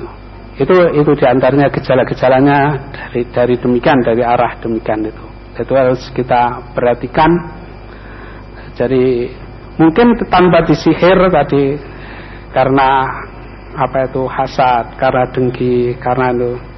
Itulah maka bisa berubah Bagaimana terjadinya? Terjadinya itu begini, tukang sihir minta nama orang yang akan disihir. Biasanya gitu. Itu perbedaannya antara ulama, antara ustadz dengan dukun dengan paranormal. Kalau paranormal lalu dukun lalu mensihir, kalau mau mengobati tadi yang diterangkan sebelumnya kajian tadi biasanya untuk mengobati dan lain sebagainya. Itu kalau kalau tukang sihir pasti itu minta nama yang akan disihir. Namanya siapa? Gitu. Terus nanti saya tuh pernah itu pernah tempatnya kiai katanya dukun apa kiai katanya kiai dukun itu kita adik saya ketika itu dulu belum mengerti itu ya, tapi bukan saya anu kakak saya dia saya masih sekolah dulu belum ngerti adik saya itu pernah serempet kol. Tidak luka, tidak apa-apa. Dibawa dokter, tidak apa-apa. Tapi setiap hari itu pingsan itu lebih dari 10 kali ya dandang. Pingsan. Keluar keringat dingin. Tapi diperiksa ke dokter tidak apa-apa. Tidak ada apa-apanya. Kembali ke dokter tidak apa-apa. Sudah, sudah sembuh. Tanya. Repot ini dan tidak bisa ngatasi. Terus begitu saya lama sekali akhirnya terpaksa itu tanya pada kiai pada kiai ya ditanya tanya namanya siapa? Tanggal lahirnya hari apa? Gitu hari lahirnya hari apa? Dengan ngurek-ngurek di kertas rokok itulah pakai pensil itu pakai namanya siapa? Tulis itu. Begitu selesai oh ini anu kandungannya klorot katanya. Kandungannya klorot gitu dia suruh carikan tukang pijat yang bisa membetulkan kandungannya. Gitu. begitu kebetulan budi saya sendiri tukang pijat itu. Pijat dia tahu nggak harus wah-wah begitu dah. Jadi apa itu dibetulkan kandungannya dipijat dibetulkan kandungannya ya sembuh benar udah itu ciri-cirinya kalau dukun itu tanya nama. Nama orang itu yang akan disihir terus minta nama ibunya kadang-kadang juga yang lainnya dan biasa demikian. Kemudian juga minta misalnya rambutnya, kadang rambutnya, pakaiannya, atau apa itu sapu tangannya, atau sandalnya dan lain sebagainya. Atau yang lainnya, apabila tidak bisa mendapatkan hal tersebut, Jadi kadang-kadang diminta itu tadi, kadang-kadang sandalnya, kadang-kadang pakaiannya, kadang-kadang sapu tangannya. Kalau tidak bisa mendapatkan, yang diminta apa? Disihir melalui air supaya air tersebut diinjaknya. Gimana? Ini niki mungkin disiramkan wonten tempat tidurnya. Atau nanti disiramkan di tempat di depan pintunya kalau biasanya kalau kundur jam pitet masih jam sekian karena itu waktunya kira akan kundur disiram di depan pintunya gitu. nanti kalau diinjak atau dilangkai lah itulah nanti akan tersihir ya. dia akan kena sihir atau diletakkan di makanan atau di minuman suruh masukkan dalam kopinya suruh masukkan dalam sayurnya suruh masukkan dalam sambalnya dan lain sebagainya begitu dia tapi kalau air ini mungkin ya di minuman atau untuk ngaduk sambelnya, begitu dia. Kalau nanti disiramkan di lauknya ketok. Tapi memang kodana namanya apa tuh buah kan ini ketok. Jadi apa? Pasti di minumannya biasanya demikian. Nah itulah dia cara-caranya demikian dia. Bagaimana terjadinya terjadinya bisa dengan demikian tadi itu dalam memisahkan. Jadi apa? Antara antara suami dan istri. Itu yang melalui perantaraan setan. Jadi ada yang melalui perantaraan tadi adu domba. Ada yang melalui perantaraan dengan apa tadi? Apa? Keterangan bayan penjelasan dari orang-orang yang hasad demikian kemudian pengobatannya mengobati sihir yaitu dengan tiga cara. Ada tiga cara. Satu yaitu membentengi badan dari sihir sebelum terjadinya, sebelum kena sihir. Nah ini kita harus apa, menjaga diri kita. Jadi bagaimana saya katakan kita mengetahui pengetahuan agama yang bagus, bisa membaca Al-Quran yang bagus, itu mempunyai akidah tauhid yang bagus, amalan-amalan ibadah yang bagus gitu. Sebelum terjadinya. Jangan sering kalau ini sudah terjadi baru biayaan. Sudah terjadi baru bayang wis kadung kena ya biayaan. Orang biasanya gitu. Kalau sudah sakit lah itu baru bingung gula obatnya. Dulu suruh menjaga wangeleram. Suruh supaya tidak kena jantung, tidak sama kena jantung koroner, supaya meninggalkan rokok. Tidak mau angel. Waris kena jantung koroner, puye ini Pak Ustadz ini puye. Bingung palahan. Salah yang demikian.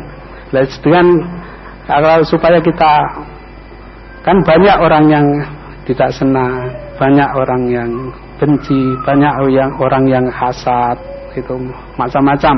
Kita tidak disenangi orang itu. Kadang-kadang kalau orang punya pikiran jahatnya yaitu tak sihir tak santete tak teluh tak tenung lansa lansa panunggalane. Itu sebetulnya di dalam agama kita sudah ada cara-caranya. Cara-caranya. Itu itu. Yang kedua, mengetahui tempat sihir tersebut kemudian mengambil dan menghancurkannya agar sihir tersebut tidak jalan. Ini menurut Ibnu Qayyim ini obat yang paling manjur. Kalau kita tahu diletakkannya syarat sihir tersebut. Ini obat yang paling manjur. Jadi biasanya kan sihir tadi pakai sarana. Pakai syarat-syarat itu kan bahasa Jawanya. Entah itu pakai kemenyan, entah pakai bunga, entah pakai garam, pakai apa itu kain itu diikatkan di mana gitu dan lain sebagainya. Nah itu kalau kita bisa mengetahui kemudian kita ambil, kita bakar, kita apa itu? Kita masukkan comberan begitu lah itu malah itu obat yang paling bagus pasti sembuhnya itu dia. Itu cara yang paling bagus kalau tahu sihir. Kalau kita mengetahui syaratnya di mana diletakkan obat yang paling bagus, paling mudah pasti sembuhnya itu ya. Itu dia. Kemudian yang ketiga mengobatinya setelah kejadiannya. Setelah kejadian kena sihir. Jadi agama kita memang agama yang komplit. Jadi kita bagaimana menjaganya, bagaimana untuk menghilangkannya. Kemudian ketika memang kena benar bagaimana insya Allah ada. Jadi tidak perlu kepada orang yang tidak baik, orang yang berperantara dengan makhluk yang tidak baik, orang yang berlindung dengan apa makhluk yang tidak baik tidak perlu. Nah, jadi kitab yang diturunkan oleh Allah itu adalah kitab yang sempurna. Jadi petunjuk yang komplit untuk kehidupan yang fana ini sampai nanti kita kembali yaitu di alam akhirat nanti menghadap Allah Subhanahu wa taala. Jadi sudah ada semuanya. Gitu.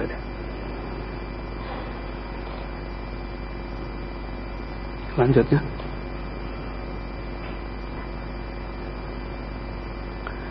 Membentengi badan sebelum terjadinya yaitu dengan membentengi diri dengan banyak-banyak zikir syar'i. Nah itu. Jadi membentengi diri dengan banyak-banyak zikir yang disyariatkan. Sekarang itu mudah sekali kita akses, bisa kita dapatkan buku-buku kecil, saku. Kalau kita belum hafal, kita baca juga bisa dengan itu. Banyak dibagikan kalau nggak dapat bagian ya bisa mengcopy, juga bisa beli, mungkin di sini mungkin juga dijual itu dikir-dikir yang syar'i itu dia. Jadi jangan dikir-dikir yang tidak syar'i karena banyak dikir-dikir yang tidak syar'i. Ada apa itu pamannya dikir yang tidak syar'i, salawat nariyah, itu dia. Kalau orang sufi biasanya suruh menghafalkan salawat nariyah sehari 1444 iyo iyo mimilen itu. Selawat selawat nariyah 1444 kali. Sehari kan habis untuk itu aja. Itu, itu kan yang tidak syar'i. Jadi banyak dikir-dikir yang yang tidak syar'i. Jadi kita untuk membentengi diri kita adalah dengan dikir-dikir yang syar'i jadi kalau saya ditanya Ustadz, apa ini hukumnya salawat nariyah itu? Saya tidak pernah menjawab. Cuma Bapak ngerti tidak artinya salawat nariyah? Tidak pernah saya jawab. saya terang artinya aja. Artinya salawat itu doa-doa. Nariyah itu neraka. Jadi doa-doa neraka. gitu aja udah. kalau saya kalau ingin neraka tidak sulit-sulit, tidak usah berdoa sehari 1444 kali. Bagaimana Ustaz? Beli tambang atau pakai sarung gantung bar?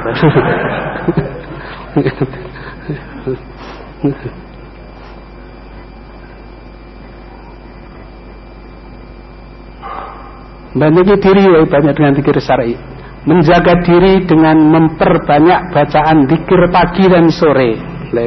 Sudah ada semuanya insya Allah. Dijual tidak usah di sini. Sudah dijual, sudah jual.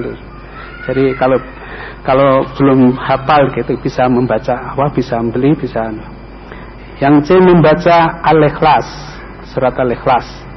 Kullallahu wahad al-mu'wadatain kul falak dan kul setiap habis sholat lima waktu.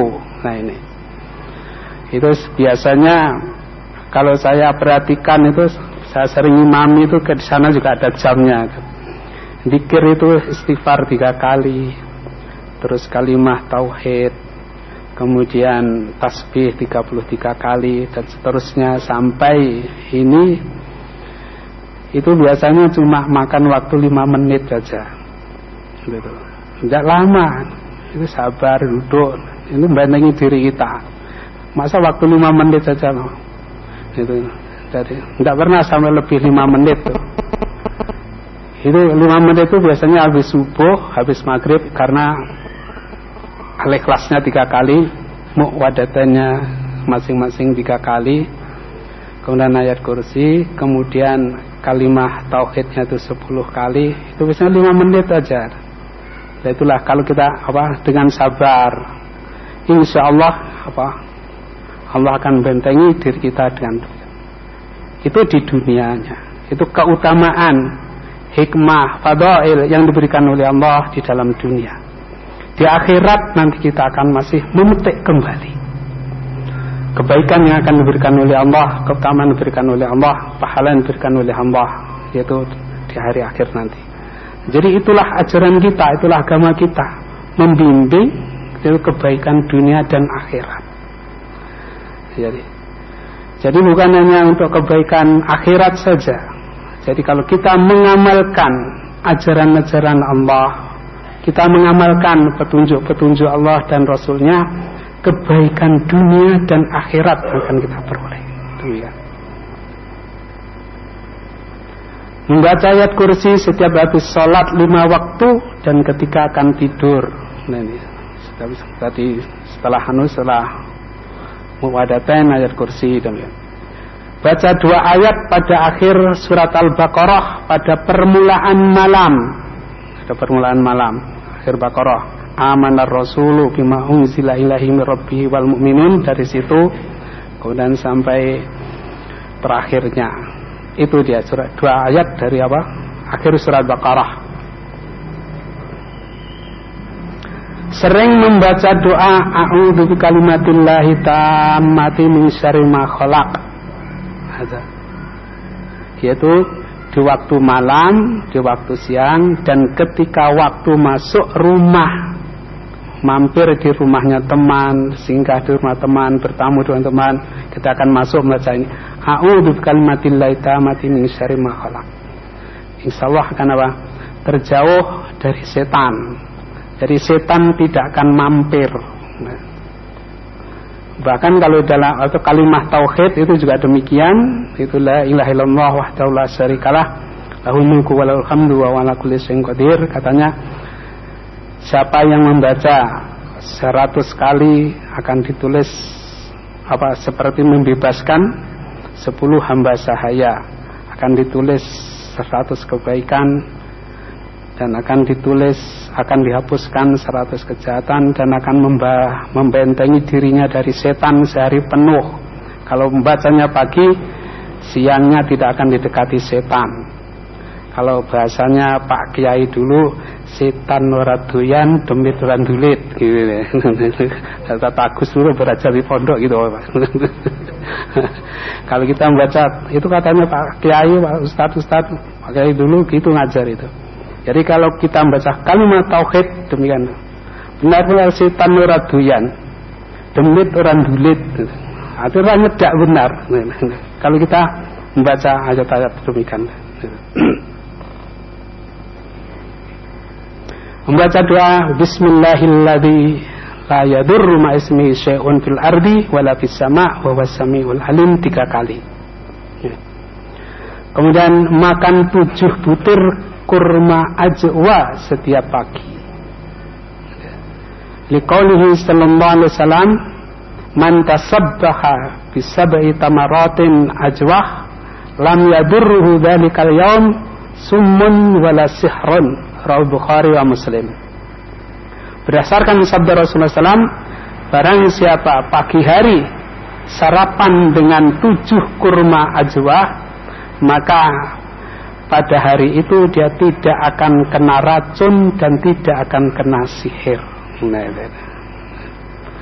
Mangan aja itu. Kan enak podo mangan ya. Kenapa seneng makan pentol. Nggak makan kurma. Kenapa ingin makan apa itu? Yang lainnya. Kurma apa keutamaannya demikian makan pada sarapannya pada makannya demikian tadi. Itulah itu apa? Membentengi sebelum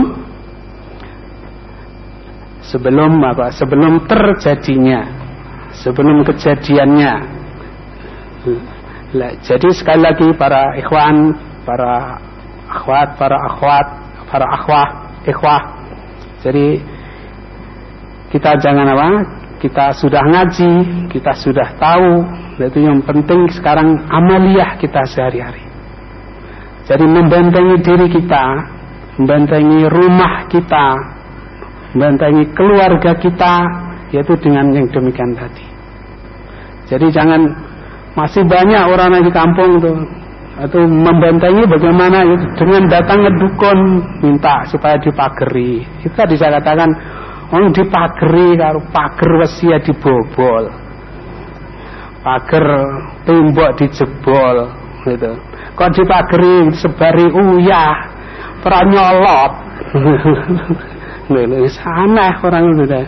Tidak bisa, tidak akan, tidak akan apa? Tidak akan bisa diterima akal logika itu tidak bisa menerima yang demikian. Jadi yang yang benar, yang benar yaitu tadi yang harus kita ketahui bahwa setan itulah penjahat, makhluk yang jahat, diciptakan oleh Allah untuk kejahatan. Jadi bentengnya bagaimana? Bentengnya adalah dengan kebaikan, dengan kebenaran. Jadi kalau diri kita diliputi dengan kebaikan, dengan kebenaran, pasti dia akan melompat akan lari jauh. Sebaliknya, kalau rumah kita, diri kita, keluarga kita diliputi dengan kejahatan, pasti dia mendekat. Pasti akan banyak seliweran di situ. Tapi dengan petunjuk Allah, dengan kita liputi diri kita, kita liputi keluarga kita, itu dengan doa-doa, dengan bacaan-bacaan yang baik, lalu insya Allah dia jauh. Sudah apa sudah sudah apa itu? Sudah anunya demikian rumusnya sudah demikian. Tidak akan bisa ketemu antara kejahatan dengan kebaikan. Kalau seseorang itu diliputi dengan kejahatan pasti kebenarannya kebaikannya yang lari. Kalau seseorang itu diliputi dengan kebaikan kejahatannya pasti melompat lari jauh. Sudah rumus itu demikian. Tidak mungkin akan ketemu dua ber, berdampingan tidak akan mungkin. Selanjutnya, yang kedua yaitu mengetahui tempat diletakkan syarat-syarat alat sihir tersebut.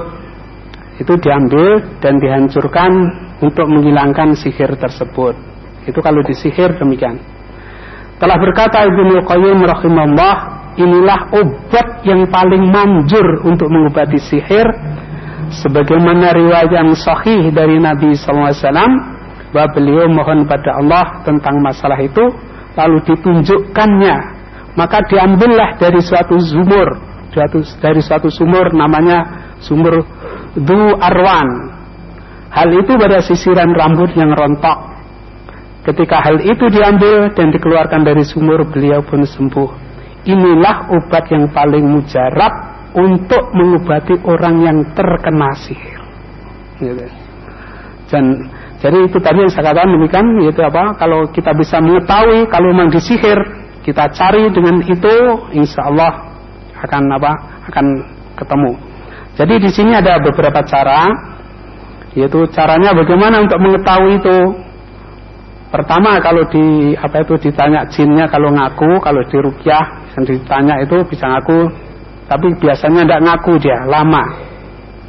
Dulu pernah ada teman itu merukyah orang demikian itu sampai tiga bulan baru ngaku. Jadi pagi sore dirukyah orang itu cuma melet-melet saja orangnya yang disihir itu. Kesakitan kita dirukyah tidak ngaku-ngaku baru tiga bulan dia baru ngaku. Saya tidak akan bisa keluar orangnya kalau syaratnya belum diambil. Terus sekarang syaratnya di mana? Di rumah di dekat jendela di bawah jendela. Terus ditelepon ke rumahnya karena itu jauh ditelepon suruh ngambil itu. Begitu diambil langsung sembuh dia. Gitu dia. Jadi itu obat yang yang manjur sekali kalau kita bisa mengetahui di mana diletakkan syarat tersebut. Gitu. paling manjur sekali jadi kalau kalau tidak mengetahui tidak bisa juga tidak mengaku juga kalau memang disihir loh itu ya. Dan sihir itu jadi bisa kita tahajud, kita sholat, haroh kepada Allah pada waktu sepertiga malam terakhir itu dalam kitabnya petunjuknya demikian. Setelah itu minta petunjuk pada Allah supaya ditunjukkan letaknya ini. Insya Allah Allah akan menunjukkan. Ya, seperti Rasulullah SAW ini dia minta pada Allah, kemudian ditunjukkan oleh Allah Subhanahu Wa Taala. Itu caranya demikian untuk mengetahui kalau mandi sihir. Kalau jinnya tidak ngaku, jadi kita minta kepada Allah. Gitu. Minta kepada Allah. Dengan sholat sepertiga malam terakhir. Jadi seperti dilakukan oleh Rasulullah dalam hadis ini, dalam kejadian yang menimpa Rasulullah SAW demikian. Itu caranya demikian. Jadi untuk mengetahui yaitu bisa bisa yaitu dengan tanya jinnya yang dirukyah. Kalau mengetahui orangnya yang anu juga bisa tiga kali yaitu kalau tahu yang nyihirnya, yang dukunnya terus terangnya dilabrak. Setane yang di. yang ketiga yaitu tadi dengan minta kepada Allah kalau tidak diketahui. Demikian. Kepada Allah insya Allah itu nanti akan ditunjukkan oleh Allah Subhanahu Wa Taala. Demikian. Berdoa kepada Allah Subhanahu Wa Taala demikian.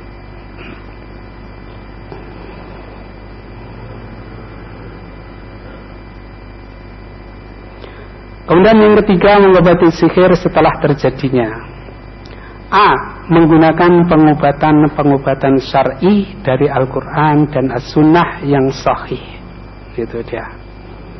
Jadi pengobatan syar'i itu bagaimana telah berkata Ibnu Abi Hatim dari Lais yaitu Ibnu Abi Salim mengatakan telah sampai padaku bahwa ayat-ayat berikut bisa itu bukan bias itu bisa menyembuhkan sihir dengan izin Allah. Dibaca dibaca pada suatu air yang diisi dengan suatu bejana ini. Suatu tempat air ya betul.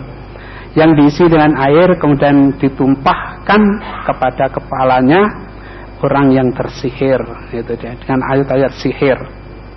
Itu ayat-ayatnya apa? Di bawah ini sebutkan nggak salah. Ya dibacakan itu. Jadi Ustaz minta gelasnya Ustaz. Minta gelas dengan gelasnya. Apa Gitu dia.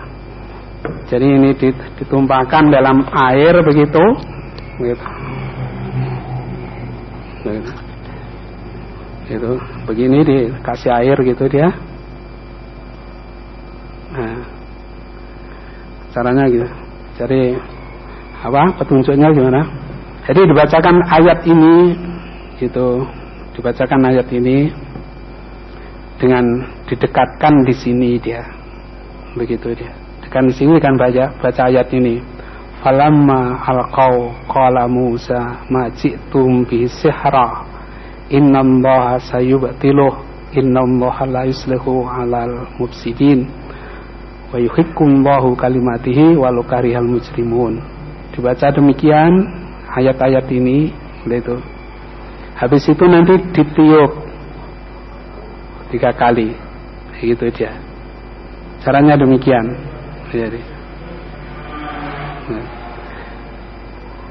Kasir, yaitu dalam tafsir Ibnu Kasir halaman eh, juz 1 148 itu tentang ayat Al-Baqarah tadi dia.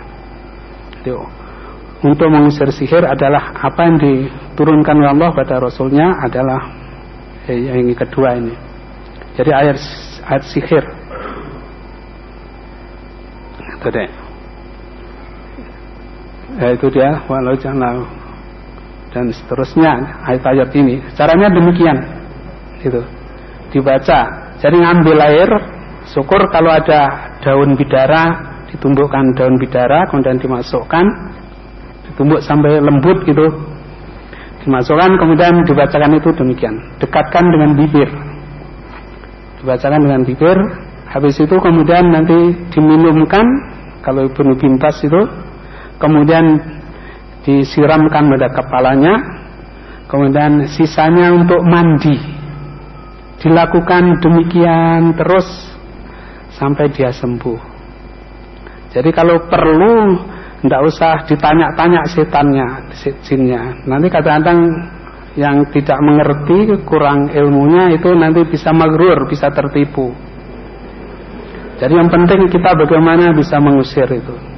Nah itu adalah dengan izin Allah. Jadi kita membacanya ini Ikhlas semata-mata Allah. Karena yang bisa mengusir Yang bisa mengeluarkan itu nanti Allah Bukan kita. Bukan ayat itu. Jadi kita tidak boleh punya keyakinan bahwa ayat-ayat ini yang bisa mengusir. Tidak ini adalah sebagai perantara saja. Ya, harus kita yakin di dalam hati kita semuanya bisa keluar kita baca ayat ini karena izin Allah tadi. Karena apa? Karena Allah jadi bukan karena ayat itu.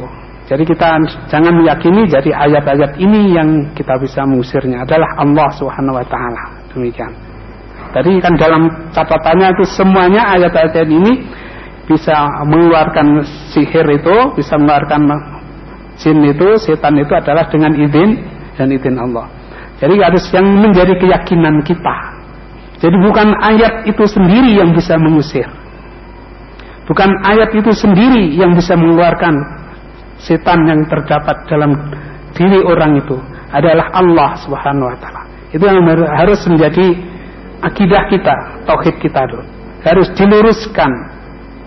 Karena nanti kalau tidak lurus seperti tadi yang saya ceritakan pertama tadi, baca ayat tapi untuk apa? Bagaimana kalau naik naik bis, naik kereta tidak bayar? Benar nggak bayar tenang. Sarananya ayat, tapi karena sirik niatnya akhirnya setan yang jatah. Nah, di sini banyak orang tertipunya di sini. Di situ ada. Oleh karena itu kita ingat. Jadi jangan sampai kita meyakini ayat itu sendiri yang bisa mengusir. Bukan ayat ini. Jadi Allah SWT. Dulu pernah tahun 8 sekitar tahun 90-an lah.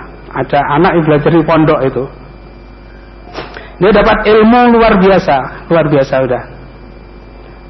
Jadi amalannya untuk mendapatkan ilmu itu ya tahajud, ya puasa, ya solawat, ya tahlil begitu dia. Jadi apa hebatnya? Makanannya kalau kalau makan itu bukan yang di tempatnya, bukan nasinya, bukan anunya, piringnya dimakan.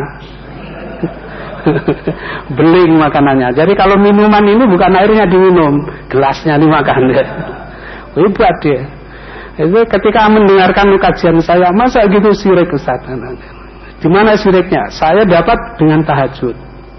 Dengan baca tahlil sekian setiap malam. Dengan puasa 40 hari 40.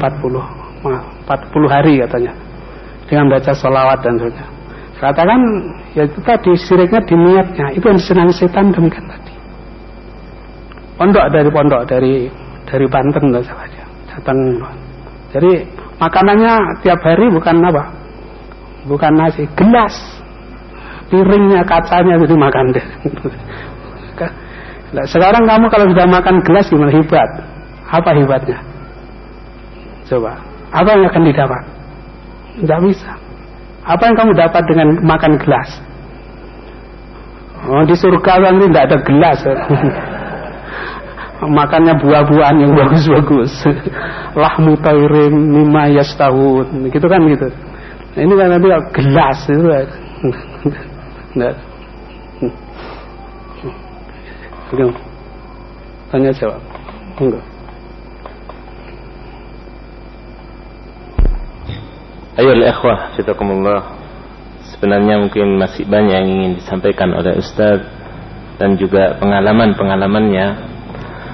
Akan tapi karena waktu telah menunjukkan jam 11 lebih 18 menit, maka kami persilahkan kepada ikhwah sekalian untuk bertanya boleh secara langsung atau dengan ditulis.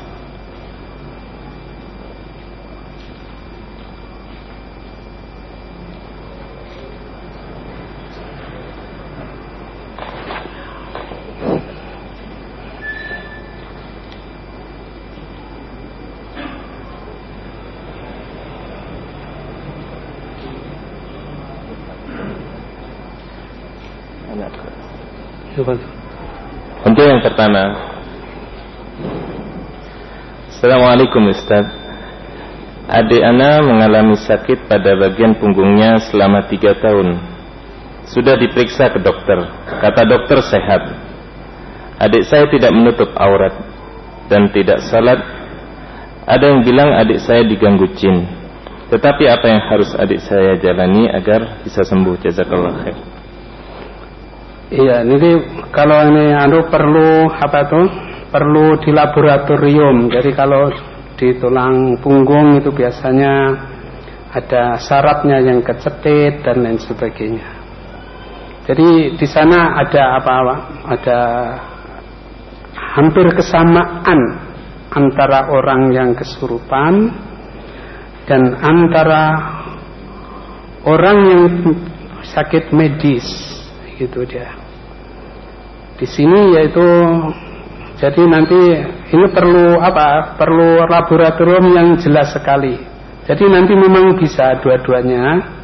Kalau memang sarafnya itu belum rusak, nanti bisa obat-obat syar'i tadi dengan dibacakan ayat Al-Quran itu kalau saya biasanya Al-Fatihah kemudian awal surat Baqarah itu kemudian ayat kursi akhir surat Baqarah tadi. Kemudian apa itu Al-Ikhlas Al-Falaq An-Nas. Kadang-kadang saya tambah dengan surat Al-Mulk itu dia. Untuk apa itu? Demikian. Tapi biasanya karena ini ada itu hampir kesamaan antara orang deh. Jadi kalau itu nanti di punggung itu mungkin ada apa itu terjepit sarafnya dan lain sebagainya ini perlu apa itu perlu laboratorium yang yang lebih bagus lagi jadi pernah abang saya itu pernah juga demikian kecetit. Selalu orang Jawa kecetit, kejepit, kejepit sarafnya. Nah itu yang kejepit juga sini ke punggungnya, tapi yang sakit kaki. Jadi sakitnya kaki setengah. Kalau malam itu sakitnya luar biasa. Katanya sambatnya seperti dikejohi linggis kakinya. Akhirnya ke dokter saraf. Ke dokter saraf dites. Pak, angkat kakinya coba begini bisa nggak? Nggak bisa ngangkat begini. Oh berarti sarafnya pak. Suruh ngangkat kakinya begini nggak bisa dia. Berarti sarafnya pak itu. Sarafnya. Habis itu kemudian apa? Ya diobati kemudian diterapi. Diterapi. Tidur. Tidurnya nggak boleh melumah. Suruh mengkurap terus ya. Harus turut Pengabang saya itu agak beling. Kalau tidak ada dokternya, ya melaku-melaku jalan-jalan. Suatu saat dokternya lewat lagi. Disuanain dimarahi dia. Bapak kalau tidak taat nanti aturan anu ini, kalau saya emper nanti saya tidak tanggung jawab masa bodoh katanya. Dimarahi dia. Jadi itu jadi syaratnya. Akhirnya di, di terapi dengan di, di dokter di terapi, alhamdulillah sembuh. Itu. Jadi banyak sekali yang demikian itu di punggung ini itu ada sarapnya. Jadi ada keserupaan demikian. Dan itu obatnya nanti bisa dua-duanya. Jadi bisa dengan Al-Quran, ayat-ayat itu tadi seperti ini dibaca seperti saya. Saya biasanya membacakan Fatihah. Saya bacakan apa itu? Awal Baqarah, al ayat kursi, akhir Baqarah, Al-Ikhlas, Al-Falaq, An-Nas. Kadang-kadang saya tambah dengan apa itu dengan al-mulk itu. Kemudian nanti saya apa saya tiupkan biasa. Tiupkan tiga kali tiupkan tiga kali. Kemudian saya suruh minum saya suruh mengusap kepalanya. Kemudian nanti apa mengusap mukanya kemudian mengusap kepalanya. Begitu dia biasanya gitu. Ini terus dilakukan demikian insya Allah. Jadi yang yang itu ada keserupaan ini maka harus dokter dulu biar jelas. Karena banyak sekali pak, kan, ke, ke kesamaan-kesamaan ini banyak sekali. Sering banyak orang datang ke kalau dokter tidak apa-apa. Saya sering menghadapi demikian itu. Dulu ada teman juga, adiknya, eh kakaknya dia, kakaknya itu, yaitu anaknya pandai, idealismenya tinggi, kemudian kena apa itu, bukan kena guna-guna, tapi kena depresi, kena stres. Itu kan hampir sama dia.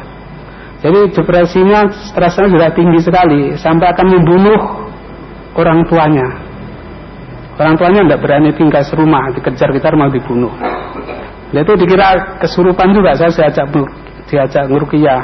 Ayo aku malam-malam saya digunceng ke rumahnya di, di Purwokerto sana Salah sampai sana tuh, wah ini sebenarnya enggak ini, ke dokter aja lah, ke psikolog aja, psikolog aja. Coba psikolog, akhirnya terus konsultasi dulu ke psikolog. Psikolog ditebak langsung, kan gejala-gejalanya begini-begini kan. menuntut sesuatu yang dulu pernah mungkin diminta pada ketika SMA-nya Anda dituruti. Sekarang kan mundat-mundat itu. Iya, iya, iya. Dijai semuanya apa di anu psikolog itu. Saya bawa sini saya tolong kata nasabahnya. Kemudian karena orangnya besar itu dibawanya dirangket juga. Rame-rame ditubruk dengan seorang kampung seorang RT deh di bawah sana kayaknya itu aja memang syaratnya ini sudah anu dia tapi dengan psikolog akhirnya sembuh. Dia karena ketika itu yaitu diterima di Pertamina. Tapi anaknya idealisnya tinggi sudah ditrainingkan di Amerika idealisnya tinggi tidak job yang diberikan tidak sesuai dengan idenya akhirnya dia malah depresi terus akhirnya dia alhamdulillah sembuh demikian yaitu yang demikian-demikian ini sekarang saya kalau dimintai tolong untuk merukiah ini pasti saya minta gejalanya. Sudah ke dokter atau belum gitu. Saya tanya gitu, gejalanya apa? Gitu. Ke dokter kalau ke dokter apa katanya dokter? Kata dokter namanya mah. Ya sudah itu aja diobati. itu diobati. Tapi kalau oh dengan tapi udah diobati dokter tidak sembuh Ustaz. Kalau diobati dokter tidak sembuh berarti tidak cocok obatnya obat medis, obat kimia tidak cocok, ganti herbal, insya Allah sembuh. Tuh. Banyak yang sembuh demikian. Kedua kalinya yaitu saya suruh apa kurma. Kalau apa itu asam lambung itu kan asam kan, asam kan obatnya manis.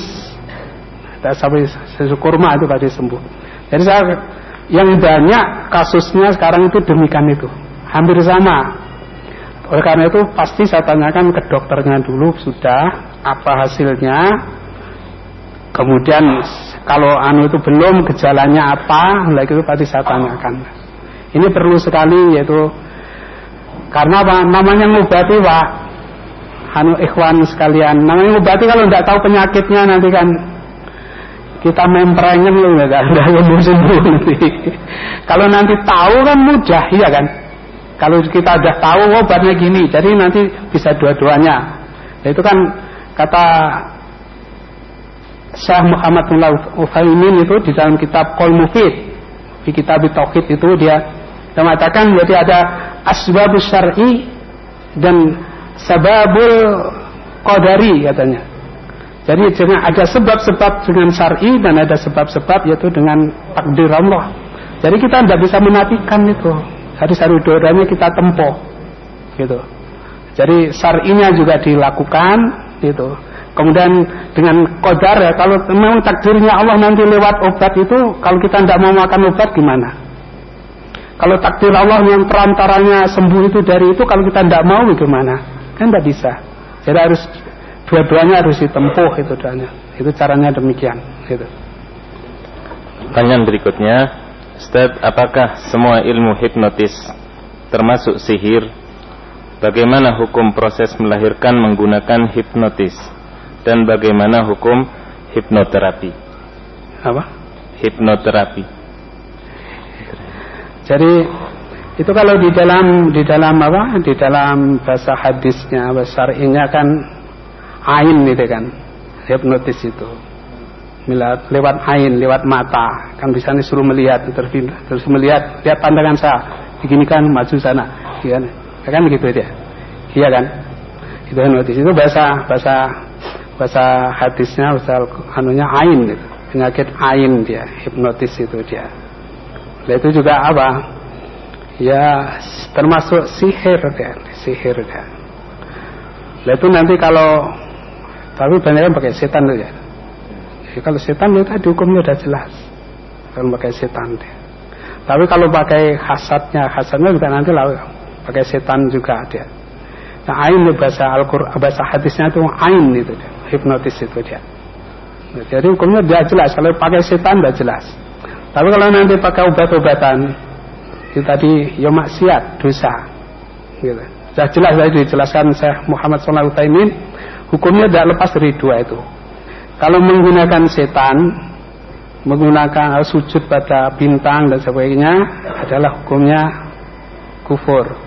Kalau dia memakai obat-obatan ya, seperti pencuri-pencuri itu yang apa penodong-penodong itu pencompat-compat di kendaraan-kendaraan itu pakai obat-obatan. Itu dia hutuan katanya. Itu dosa besar. Begitu dia. Jadi kalau menggunakan setan jelas ya. Kemudian yang kedua apa? Hipnoterapi. Him, Hipnoterapi. hipnoterapi itu gimana?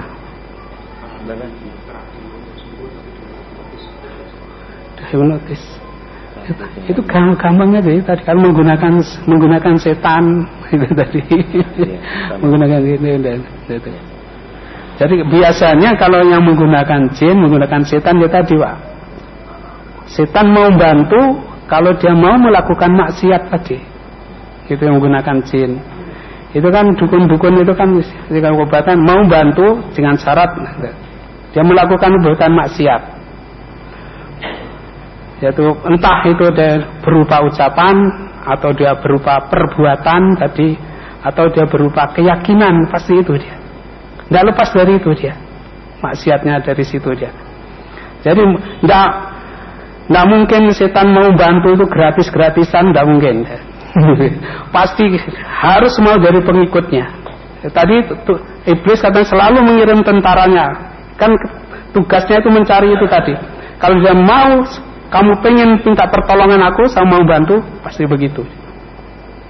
Jadi pasti apa orang yang dibantu ini pasti mau melakukan maksiat.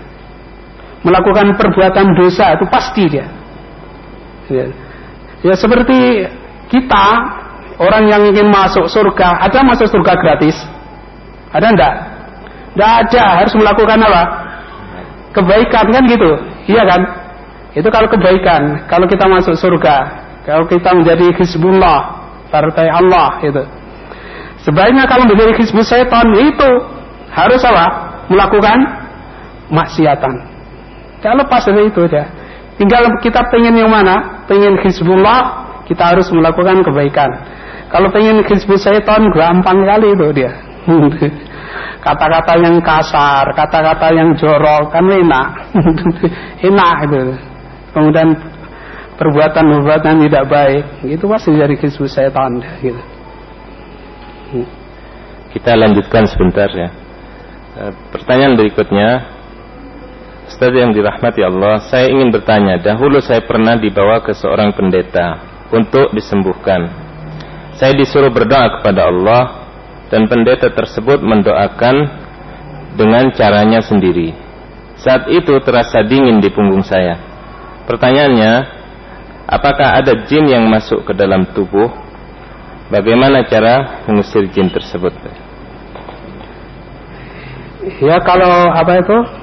Kalau kita dengan apa itu tadi jadi ada ada dengan disihir ada dengan apa itu biasanya orang belajar ilmu itu ada orang yang apa itu tapi kalau orang belajar biasanya punya pantangan itu diberi pantangan.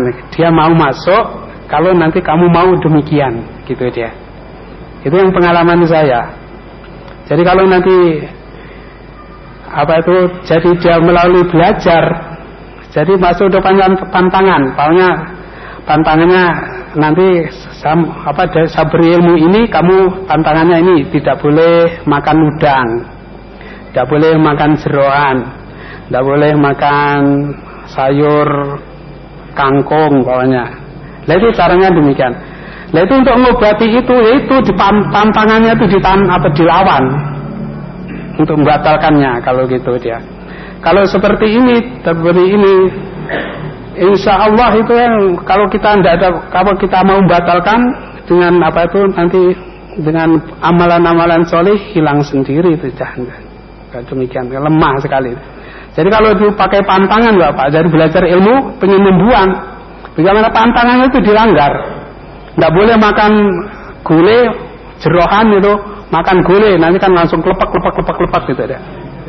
Dulu pernah ketika saya pertama-tama merukiah itu, ada itu anak sudah luar biasa ilmunya katanya.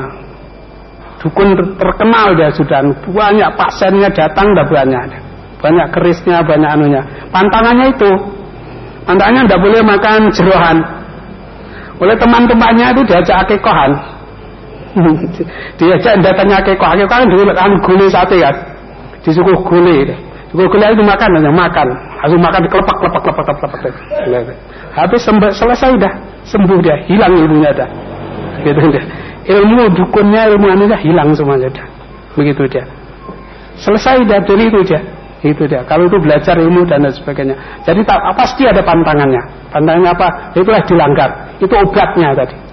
Obat mujarab itu dia. Pasti sembuhnya. Gitu. Hilang ilmunya. Dan saya punya kenalan juga baru meninggal setahun setahun yang lalu dia. Seorang tua. Punya ilmu belajarnya juga di pondok. Jadi tak kala tahun 77 itu dia kena komji komando jihad itu tuh ditangkap di Kodim tatkala akan diinterogasi gini di muka meja gini komandannya datang dengan ajudannya. Dia ngambil tanah ini dia. Dipelintir gini ilmunya. Pelintir gini. Komandannya datang tuh langsung plek tidur. Komandan kodimnya datang langsung tidur di meja ini. Pak Aman dibiarkan aja habis bangun tidak jadi interogasi pulang. Dengan pergi kelunuh kelunuh kelunuh kelunuh gitu. komandannya yang interogasi katanya. Apa? Ajudannya interogasi katanya. Interogasi bapak pasti punya ilmu katanya. Ilmu apa pak? Tidak ada tidak punya. Tidak mungkin.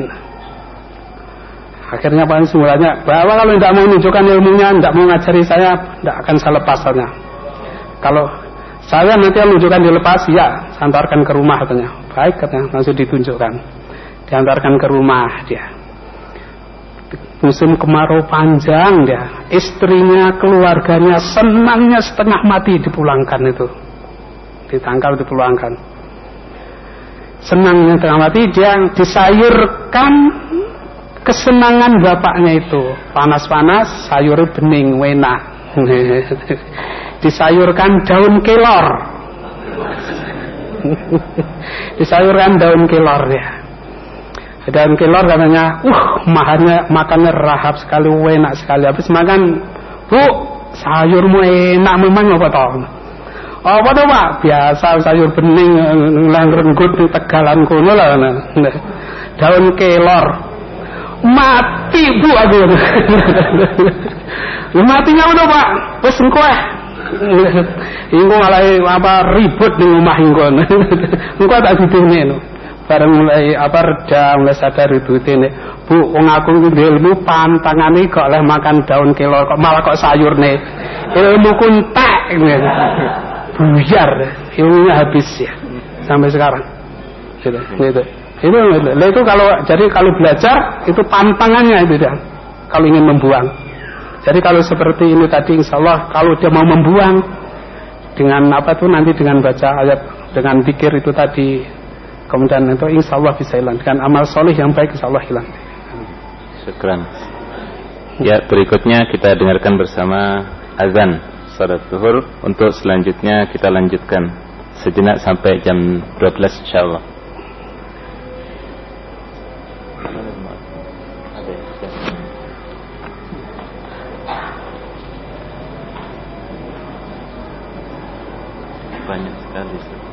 Banyak sekali.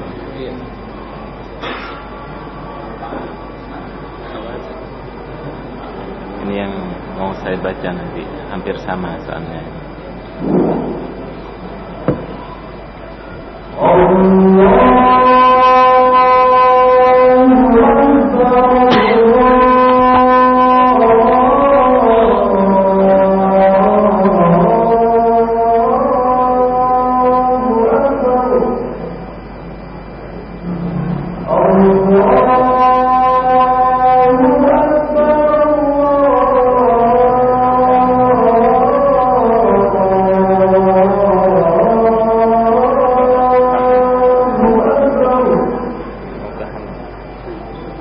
أشهد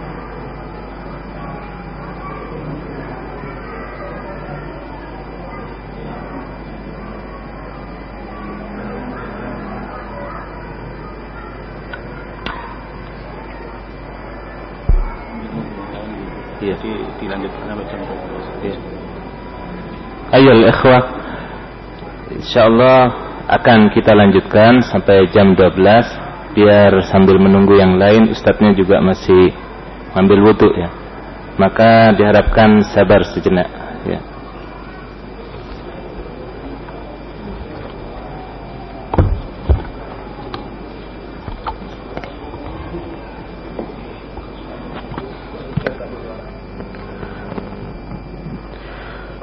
para jamaah yang dimuliakan Allah Subhanahu wa taala sambil menunggu kelanjutan dari sesi tanya jawab ini kami ulangi lagi pengumuman bahwasanya uh, untuk rekaman kajian baik itu video maupun audio insya Allah akan diproses sama takmir dan ketika sudah siap untuk dibagikan atau disebarkan nanti akan diumumkan lebih lanjut oleh takmir dan juga panitia.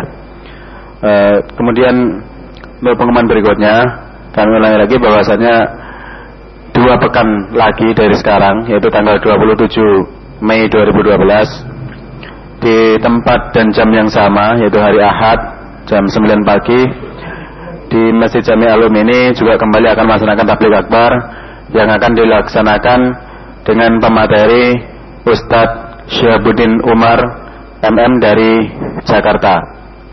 Beliau akan menyampaikan kepada kita dengan tema air mata dan darah ahli sunnah wal jamaah di Suriah. Pengumuman berikutnya yaitu terkait dengan penerimaan santri baru dan mahasantri baru. Alhamdulillah saat ini Lembaga Bina Masyarakat untuk tahun pelajaran 2012-2013 membuka angkatan pertama untuk SD Islam Al-Um dan juga Mahat Al-Aimmah SD Islam Al-Um masih membuka pendaftaran sampai bulan Juni dan bagi para jamaah yang memiliki putra putri untuk bisa didaftarkan silakan menghubungi di kantor SD Al-Um yang ada di sebelah masjid. Adapun untuk Mahat Al-Aimmah eh, pengumuman ini juga sekaligus meralat dari pengumuman sebelumnya bahwasanya untuk calon mahasantri Mahat Al-A'immah tidak dikenakan biaya pendidikan alias gratis biaya pendidikan dan hanya menanggung biaya hidup sehari-hari atau makan sehari-hari saja. Jadi ini sekaligus rawat pengumuman sebelumnya yang di sana disebutkan ada biaya pendidikan maka untuk saat ini kami umumkan bahasanya biaya pendidikan untuk Mahat Al-A'immah adalah gratis. Oleh karena itu mungkin bagi para jamaah yang memiliki keluarga ataupun kerabat yang sudah lulusan dan sederajat bisa untuk mendaftar di Madalimah dengan menghubungi di kantor lembaga bina masyarakat yang ada di sebelah masjid.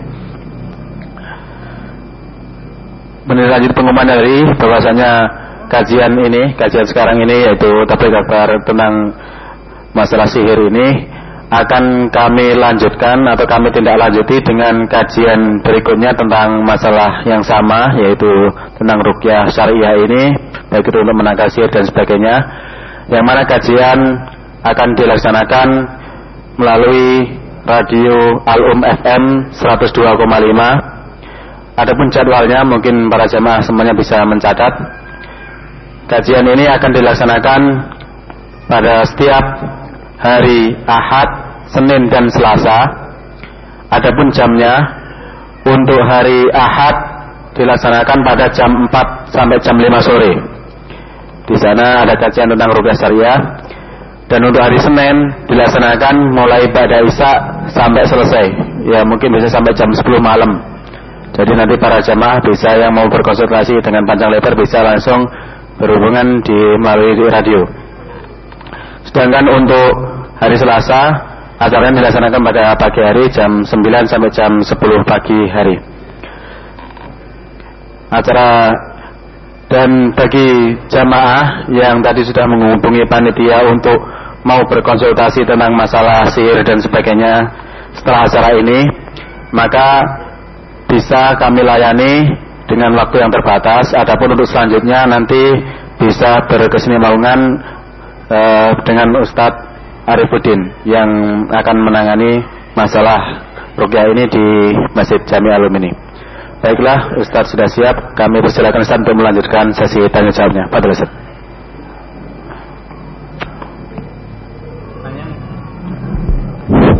Pertanyaan berikutnya, apabila ada seorang ustadz melakukan maksiat atau mendek, sampai mendekati zina, tidak menegur kemungkaran atau kemaksiatan, lemah atau agak tunduk, tidak bisa tegas terhadap orang yang jelas bermaksiat, tetapi banyak bersedekah atau menyuplai materi. Maka apakah ustadz ini kira-kira terkena sihir dari orang tersebut? apakah kita masih bisa atau baik mengikuti taklimnya. Kemudian pertanyaan yang hampir senada. Satu. Hampir senada ini Ustaz. Ya. Den, masalah kiai ini. Kalau tadi Ustaz sekarang kiai. Yang melakukan praktek sihir atau dengan ikat-ikatan maupun perantaraan lainnya seperti telur, tanah kuburan, bunga-bunga dan lain-lain. Bagaimana seorang kiai melakukan hal itu ya. Sehingga banyak kalangan masyarakat umum percaya bahwa itu adalah suatu hal yang baik. Soalnya yang melakukan adalah orang alim atau kiai. Iya, jadi masalah masalah-masalah ini tadi ya. Jadi kalau ini pertama yang dengan kedua hampir sama tapi berbeda ini. Itu berbeda. Pertama yaitu dalam akidah sunnah wal jamaah Orang yang orang beriman, orang yang bertauhid itu kalau melakukan perbuatan maksiat itu tidak hilang imannya, tidak hilang tauhidnya. Tapi dia dikatakan yaitu imannya tidak sempurna. Demikian. Jadi imannya tidak sempurna seperti sabda Rasulullah sallallahu alaihi wasallam, zanin wa huwa mu'minun kan gitu dia. Itu yang dipakai landasan para apa ahlu sunnah jamaah bahwasanya tidaklah seseorang melakukan zina sedangkan dia dalam keadaan beriman. Itu penjelasannya. Jadi dia melakukan zina itu karena imannya kepada kemaksiatan itu ketika itu tertutup hilang. Jadi masalah iman yang lainnya seperti disebutkan nanti dia masih melakukan sedekah, masih melakukan sholat dan lainnya, masih tetap dia. Karena itu imannya tidak sempurna ketika itu. Jadi menurut ahli sunnah jamaah orang demikian imannya tidak sempurna. Jadi bagaimana perlu dijauhi? Tidak usah dijauhi makin jauh nanti. Justru bagaimana kita masih saudara ketika itu jadi kita nanti dengan dekat bisa beri nasihat dan lain sebagainya. Begitu aja. Jadi akidah ahli sunnah wal jamaah demikian. Kalau ahli apa kalau orang yang khawarij dia mengatakan itu adalah sudah tidak beriman dan tidak kafir katanya. Al manggilah bainal manggilatain kan gitu dia. Tapi kalau ahli sunnah wal jamaah tidak. Jadi tidak hilang imannya.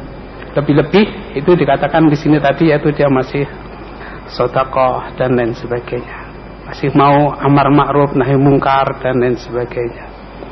Jadi amar ma'rufnya nahi mungkarnya perintahnya yang baik ya kita kita ikuti. Alhamdulillah dia masuk itu. Dan mudah-mudahan nanti dapat hidayah dari Allah dan lain sebagainya. Kan gitu. Sedangkan yang kedua tadi udah jelas. Tadi udah jelas. Jadi kalau seseorang melakukan perbuatan sihir. Jadi kalau itu sampai sudah apa itu kepada setan, perantaranya kepada setan, itu dia sudah jelas tidak.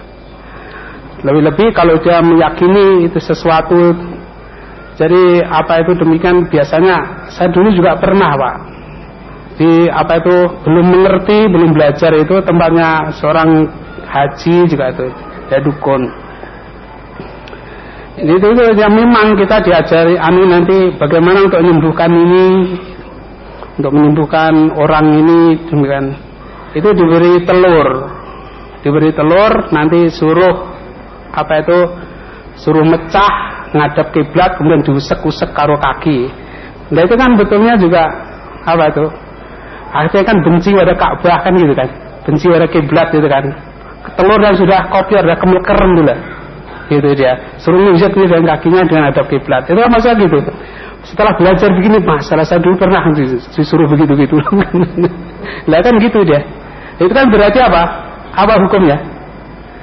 Kalau benci pada kiblat. Akhirnya kan menghina kiblat dengan dok kemlekeren itu kan. Iya kan? Itu kiai haji juga gitu dia. Nah itulah dia. Itu kan maksudnya begitu menghina Ka'bah. Kan gitu. Itu kan siapa yang ngajari? Setan kan iya kan? Lah gitulah dia betulnya. Jadi sudah sudah jelas. Jadi hukumnya tadi sudah jelas. Jadi kalau anu, kita tidak menghukumi siapa jadi hukumnya tadi dari dari itu kalau itu dengan perantaran setan kalau perantaran jin sudah jelas.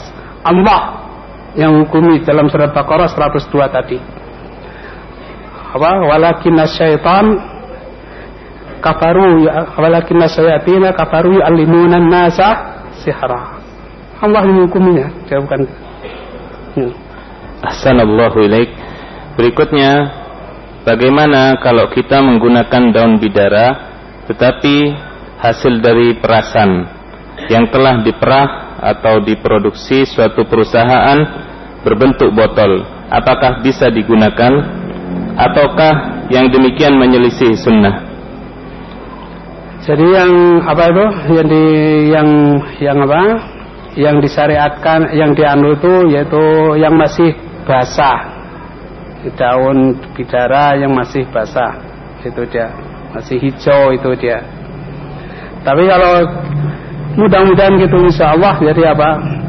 Kalau sudah tidak ada, sudah ada adanya gitu mudah-mudahan juga masih apa? Ada manfaatnya demikian. Gitu. Tapi yang itu kan hanya apa hanya sarana.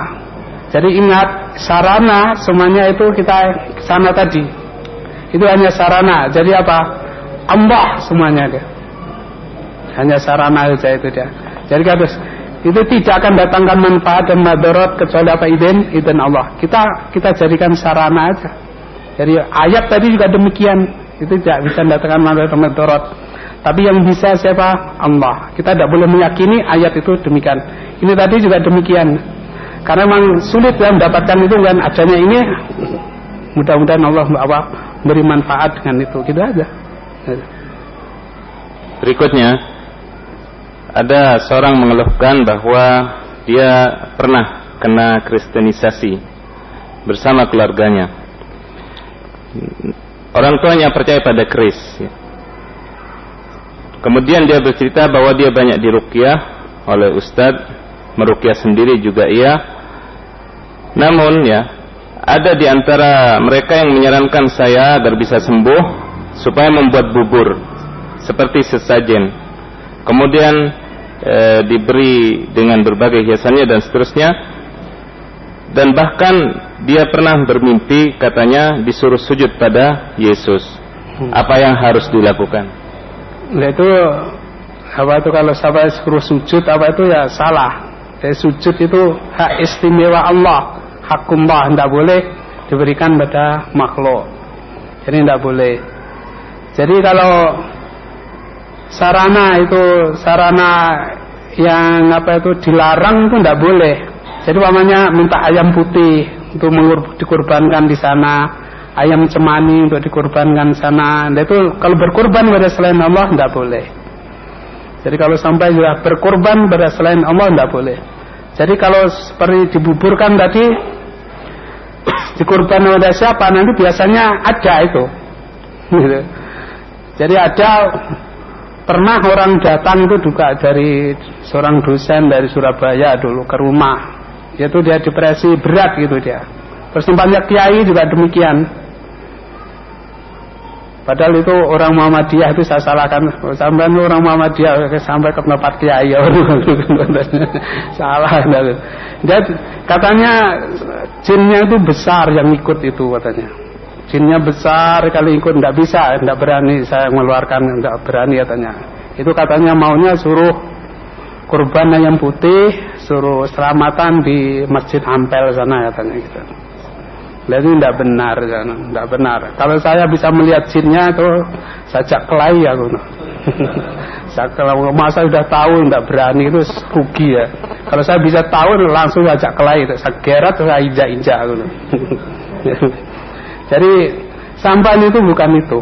saya yakin. Zaman adalah kalau saya dokter apa? Ketika itu saya tanya dokter apa katanya? Dokter katanya sudah apa itu depresi yang tinggi sudah tergantung pada obat. Ya, itu betul lah itu. Kalau dokter karena ilmunya itu belajar, ilmu belajar dari penyelidikan dan sebagainya. Kalau namanya dukun tuh ilmunya belajarnya dari kamar mandi ya, bun. dari WC, dapat jin dari WC dan sebagainya. Itu tidak tidak bisa jamin. Nah, gitu. Terus ketika itu datang tiga Ramadan, sampean obatnya kalau saya. Sampean sekarang jangan kembali ke Surabaya. Syarat bersaing Anda itu untuk hidup di ibu kota tidak kuat sampai harus kembali ke desa di Lamongan lagi. Itu pertama. Yang kedua, sampai pulang nanti jangan pulang ke rumah. Eh, tikat di masjid sampai lebaran. Baca Al-Quran, puasa, gitu. Sholat di jamaah, capek nanti tidur, gitu aja. Istrinya ngalahi nanti yaitu nyucikan pakaiannya dan ngirim untuk buka dan sahurnya. Benar itu dilakukan demikian dia anak. Paling ingin sembuh dia mau dia membaca Al-Quran bisa dan sebagainya. Ngaji terus, terus banyak banyaknya membaca Al-Quran banyaknya. Capek tidur di masjid dan pulang. Tanggal 3 Sawal datang lagi ke rumah, terima kasih Ustaz saya sembuh katanya. Gitu. Yaitu orang demikian tuh kan kalau kita di rumah sakit penyembuhan rehabilitasi apa itu orang-orang kena narkoba itu kan suruh ngaji, suruh zikir, suruh baca Al-Quran itu dia. Karena apa? Zikir itu la ilaha illallah syarikalah. Panjang pendeknya kan sudah pas. Al-Quran juga demikian. Nah, itu gerakan-gerakan ini bisa memotivasi itu saraf-saraf yang kan longgar, yang gak kendor, itu nanti bisa sambung kembali katanya dokter. Gitu dia. Nah, itu benar, gitu dia. Gitu. Nah, itulah yaitu apa? Jadi bukan bukan demikian tadi. Jadi kalau penyembuhan-penyembuhan yang apa demikian itu yaitu bukan melalui jin, bukan anu. Kita mempunyai secara sendiri yaitu dengan zikir insya Allah itu dengan itu saya lihat di Jogja itu di Tulang Bawang apa namanya itu. Di sana ada mahat rehabilitasi orang-orang apa kurban narkoba. Itu banyak yang sembuh itu tadi diobati dan obat-obatan dan juga obat syar'i tadi. Begitu dia. Obat-obat syar'i itu suruh zikir suruh baca Al-Quran diajak sholat gitu. Zikir kalimat tauhid la ilaha illallah. Itu saya tanya dokternya itu namanya juga mantan pendeta. Yang membuat konsep kristenisasi se-Indonesia dia dia masuk Islam sekarang buat mahat rehabilitasi kurban narkoba itu yang buat konsep kristenisasi Indonesia itu dia. Saya pernah ke sana dia itu jadi kena saya tanya apa? Jadi Al-Qur'an itu panjang pendeknya kan sudah. Lah ini bisa menggerakkan saraf-saraf yang itu tahlil kalimat tauhid itu juga ada. Suruh baca banyak-banyak itu. Banyak yang sembuh di sana. Ada yang sudah apa itu? Ada yang sudah apa itu sampai kemaluannya itu keluar terus itu lah. Air, air maninya keluar terus itu ada sudah sampai gitu. Sarapnya rusak. Sarap sarap seknya dah rusak ada, ada sarap matanya ada sarap anu dah rusak. Itu pengobatannya dengan itu. Jadi di samping obat-obat kedokteran obat medis ada obat syari. Dua-duanya dijalankan. Itu banyak yang sembuh dia sana. Gitu pertanyaan terakhir ya karena waktunya sekaligus dua ini Ustaz. Yang pertama, apakah orang yang terkena sihir itu juga merupakan takdir Allah dan apa yang harus kita lakukan apabila kita terkena sihir? Apakah kita pasrah dengan apa yang kita alami karena itu merupakan takdir Allah? Kemudian yang kedua yang terakhir ini merupakan pertanyaan dari Ummahat kelihatannya bahwa ia pada siang hari tidak mengalami gejala apa-apa. Ketika siang hari, eh, ketika malam hari, khususnya tatkala mau tidur, dia terbayang-bayang oleh bekas pacarnya atau laki-laki yang pernah memiliki hubungan dengannya. Kemudian dia bertanya, apakah ini juga termasuk sihir? Syukran. Yang pertama tadi apa? Tentang takdir. Oh, takdir. berkenaan dengan takdir sih. Ya, itu tadi dengan izin Allah kalau memang sudah kena. Jadi bagaimana? Ya Itu tadi diobati. Jadi tidak tidak tidak tawakal. Kita harus berusaha. Kita harus apa? Tawakal pada Allah dalam berusaha itu. Jadi bagaimana usahanya? Itu nanti jalan-jalannya. Jadi nanti kalau ini tidak habis dan tidak ada lagi, karena itu nanti baru cara-caranya sedikit. Itu nanti bisa nanti diakses Ustaz ya. Jadi bisa anu di, bisa dibaca tuh sekitar berapa Ustaz tadi? Ini tadi materi ini 12 halaman. 12 halaman berapa itu nanti bisa dimiliki itu bisa dibaca dengan anu itu baca sendiri insya Allah bisa nanti gitu. Jadi kalau kalau nanti ayatnya tidak bisa baca di sini bisa dibaca Al-Quran ada tertulis ayat-ayatnya ada gitu aja. Baca bacaan apa? Yang terbayang-bayang. Yang terbayang-bayang itu jadi ya. An- anu itu tadi lah. Ada apa ada kemungkinan juga kalau dia juga masih mengharapkan yang laki-lakinya kemudian dibuat begitu. Dan mungkin karena sangat cintanya itu terus sudah apa tertulis kuandel sekali di syaratnya? Tertulis tebal kan karena tidak terhapus-hapus teringat-ingat terus itu dia. Mungkin juga bisa demikian. Iya kan? Ya, namanya namanya tulisan itu kan, ya, itu kan. jadi kalau dulu cintanya sudah benar-benar lah itu sulit sulit teranu. Oleh karena itu kan ada istilahnya broken heart, broken heart. Iya kan? Patah hati karena sudah tidak anu, bukan karena disihir ya. karena syaratnya ini tadi. Kan semuanya nanti akan dijelaskan caranya kan setan itu hingga di syarat itu kan itu kan belum cara-caranya kan tadi kan. Jadi kan cinta tadi kan ciri-cirinya gitu. Bagaimana terjadinya? Kan gitu dia. Jadi nanti kalau masalah cinta itu tukang sihirnya mengirim jin suruh tinggal di sini kemudian macet-macet syaratnya di situ dia. Kan gitu dia Nah itu kalau tidak disihir bukan dipecet karena dipijit awal dewe karena hatinya sendiri. lah gitulah dia. Jadi semuanya sar anunya nanti ke sarap ya, gitu dia. Ke sarap semuanya ke sarap. Sekalipun itu disihir nanti bukan anu, jinnya jadi di situ di sarap itu dia. Jadi kalau nanti sihir pendarahan itu sihirnya apa? Si, kalau disihir itu dia si apa jinnya tinggal di rahim perempuan itu di tempat pendarahan itu dia. Tempat salap darah. Itu dia. Kemudian entah dirusak atau dipancal gimana terus akhirnya berdarah terus itu dia. Begitu dia. Itu. Kalau nanti sihir cinta yaitu bagaimana menimbulkan ini di sarafnya ini supaya cinta terus gitu dia. Rindu terus terngiang-ngiang terus gitu dia. Gitu dia.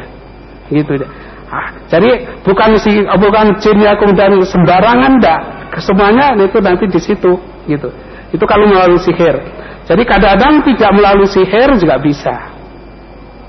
Kerap penyakit, kita kan di syaratnya juga nanti juga. Jadi seperti yang kejadian yang banyak itu sering di SMA atau di SMP sering apa itu surupan masal. Itu kadang-kadang kadang-kadang karena penyakit medis yang saya pernah alami berapa kali ini banyak kan ada penyakit medis. Kemudian kok masal bagaimana? Gara-garanya ustadz yang apa itu pertama ustadznya yang merukiah belum mengerti caranya. Yang keduanya itu biasanya kejadiannya masal itu anak perempuan. Perempuan itu adalah jiwanya lemah. Yaitu melihat temannya demikian takut kemudian dia kena juga. Gitu dia. Yang salami itu setelah anu ya tapi ya akhirnya karena masa kemudian dirukiah yang rukiah tidak ngerti ditipu jinnya malah masuk. Itu pernah di Madun itu ngakunya jinnya dari Gunung Ngawu, dari hutan Ngawi, dari Gunung Kendeng dan lain sebagainya. Tapi di Rukiah Ustadz ya, tiga hari itu tidak sembuh, keluar masuk keluar masuk malahan, gitu. Itu akhirnya setelah tiga hari ini yang salah merukiah, yang merukiah pak saya aku. Salah merukiah ndak ndak bisa, ndak ngerti. Mestinya ini tadi penyakitnya medis, akhirnya malah kesurupan. Jadi merukiahnya bagaimana? Ya, tadi dengan air begitu saya bacakan ayat. Air dingin, ini karena sarafnya tegang. Air dingin, air kolkas itu dia. Saya bacakan ayat, minum, kemudian saya suruh mengusapkan kepala apa wajahnya dan kepalanya itu. Alhamdulillah sembuh. Tapi tidak berhenti di situ, periksakan ke dokter biar diobati pangkalnya. Asal usulnya biar diobati. Gitu dia. Nah itu setelah diobati, alhamdulillah ya sembuh dia. Jadi ada yang tipes, ada yang apa itu mah. Mah itu juga seperti kesurupan Pak nanti kalau akut. Mah itu kalau akut nanti bisa kesurupan. Bagaimana caranya? Nami acara kalau waktu menghadapi Syukran Ustaz. Jazakallah khair. Ayo ikhwah, fidakumullah. Demikianlah ya kajian kita dan adapun materinya sekali lagi syujun atau banyak dan bercabang akan tapi yang telah disampaikan oleh Ustaz Hafizahullah mudah-mudahan bisa mewakili dan selebihnya kita tutup dengan kafaratul majlis subhanakallahumma bihamdik asyhadu an la ilaha illa anta astaghfiruka wa atubu ilaik sallallahu ala nabiyyina Muhammad wa ala alihi wa sahbihi wasallam assalamu alaikum warahmatullahi wabarakatuh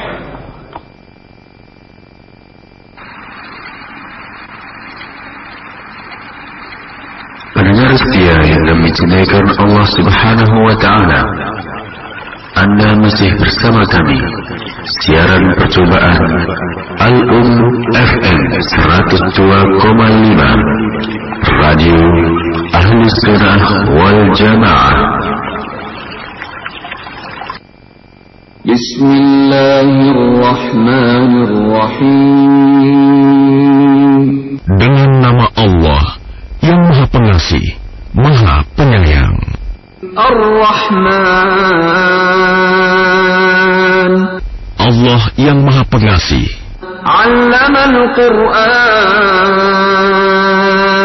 Yang telah mengajarkan Al-Quran.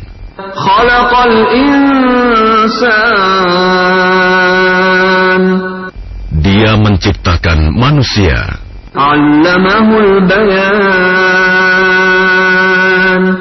Mengajarnya pandai berbicara.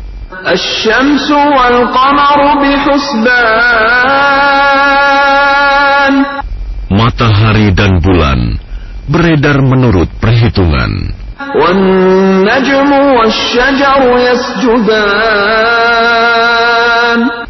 Dan tetumbuhan dan pepohonan keduanya tunduk kepadanya.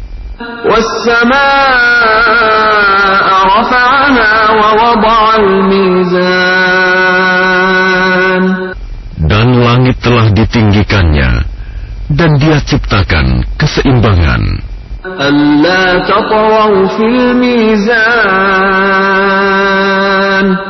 Agar kamu jangan merusak keseimbangan itu. وأقيموا الوزن بالقسط ولا تخسروا الميزان Dan tegakkanlah keseimbangan itu dengan adil. Dan janganlah kamu mengurangi keseimbangan itu.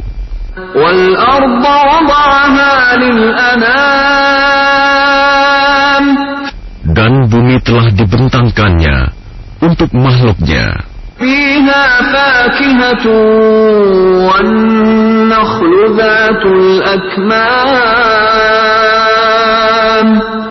Di dalamnya ada buah-buahan dan pohon kurma yang mempunyai kelopak mayang.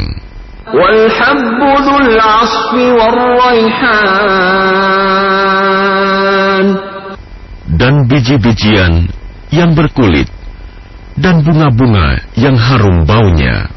فبأي آلاء ربكما تكذبان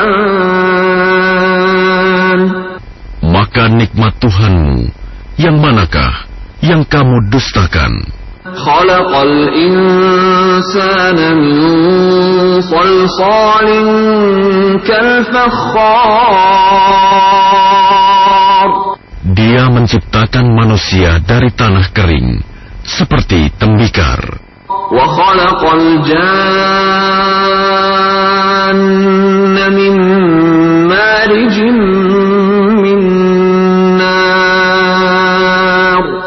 Dan dia menciptakan jin dari nyala api tanpa asap. فبأي آلاء ربكما تكذبان Maka nikmat Tuhanmu yang manakah yang kamu dustakan? رب المشرقين ورب المغربين Tuhan yang memelihara dua timur dan Tuhan yang memelihara dua barat.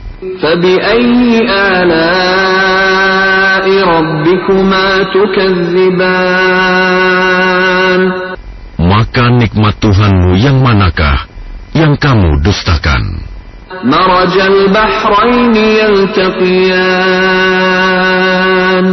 Dia membiarkan dua laut mengalir, yang kemudian keduanya bertemu.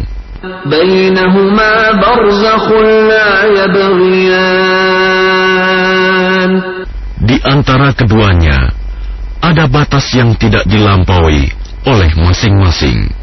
فبأي آلاء ربكما تكذبان Maka nikmat Tuhanmu yang manakah yang kamu dustakan? يخرج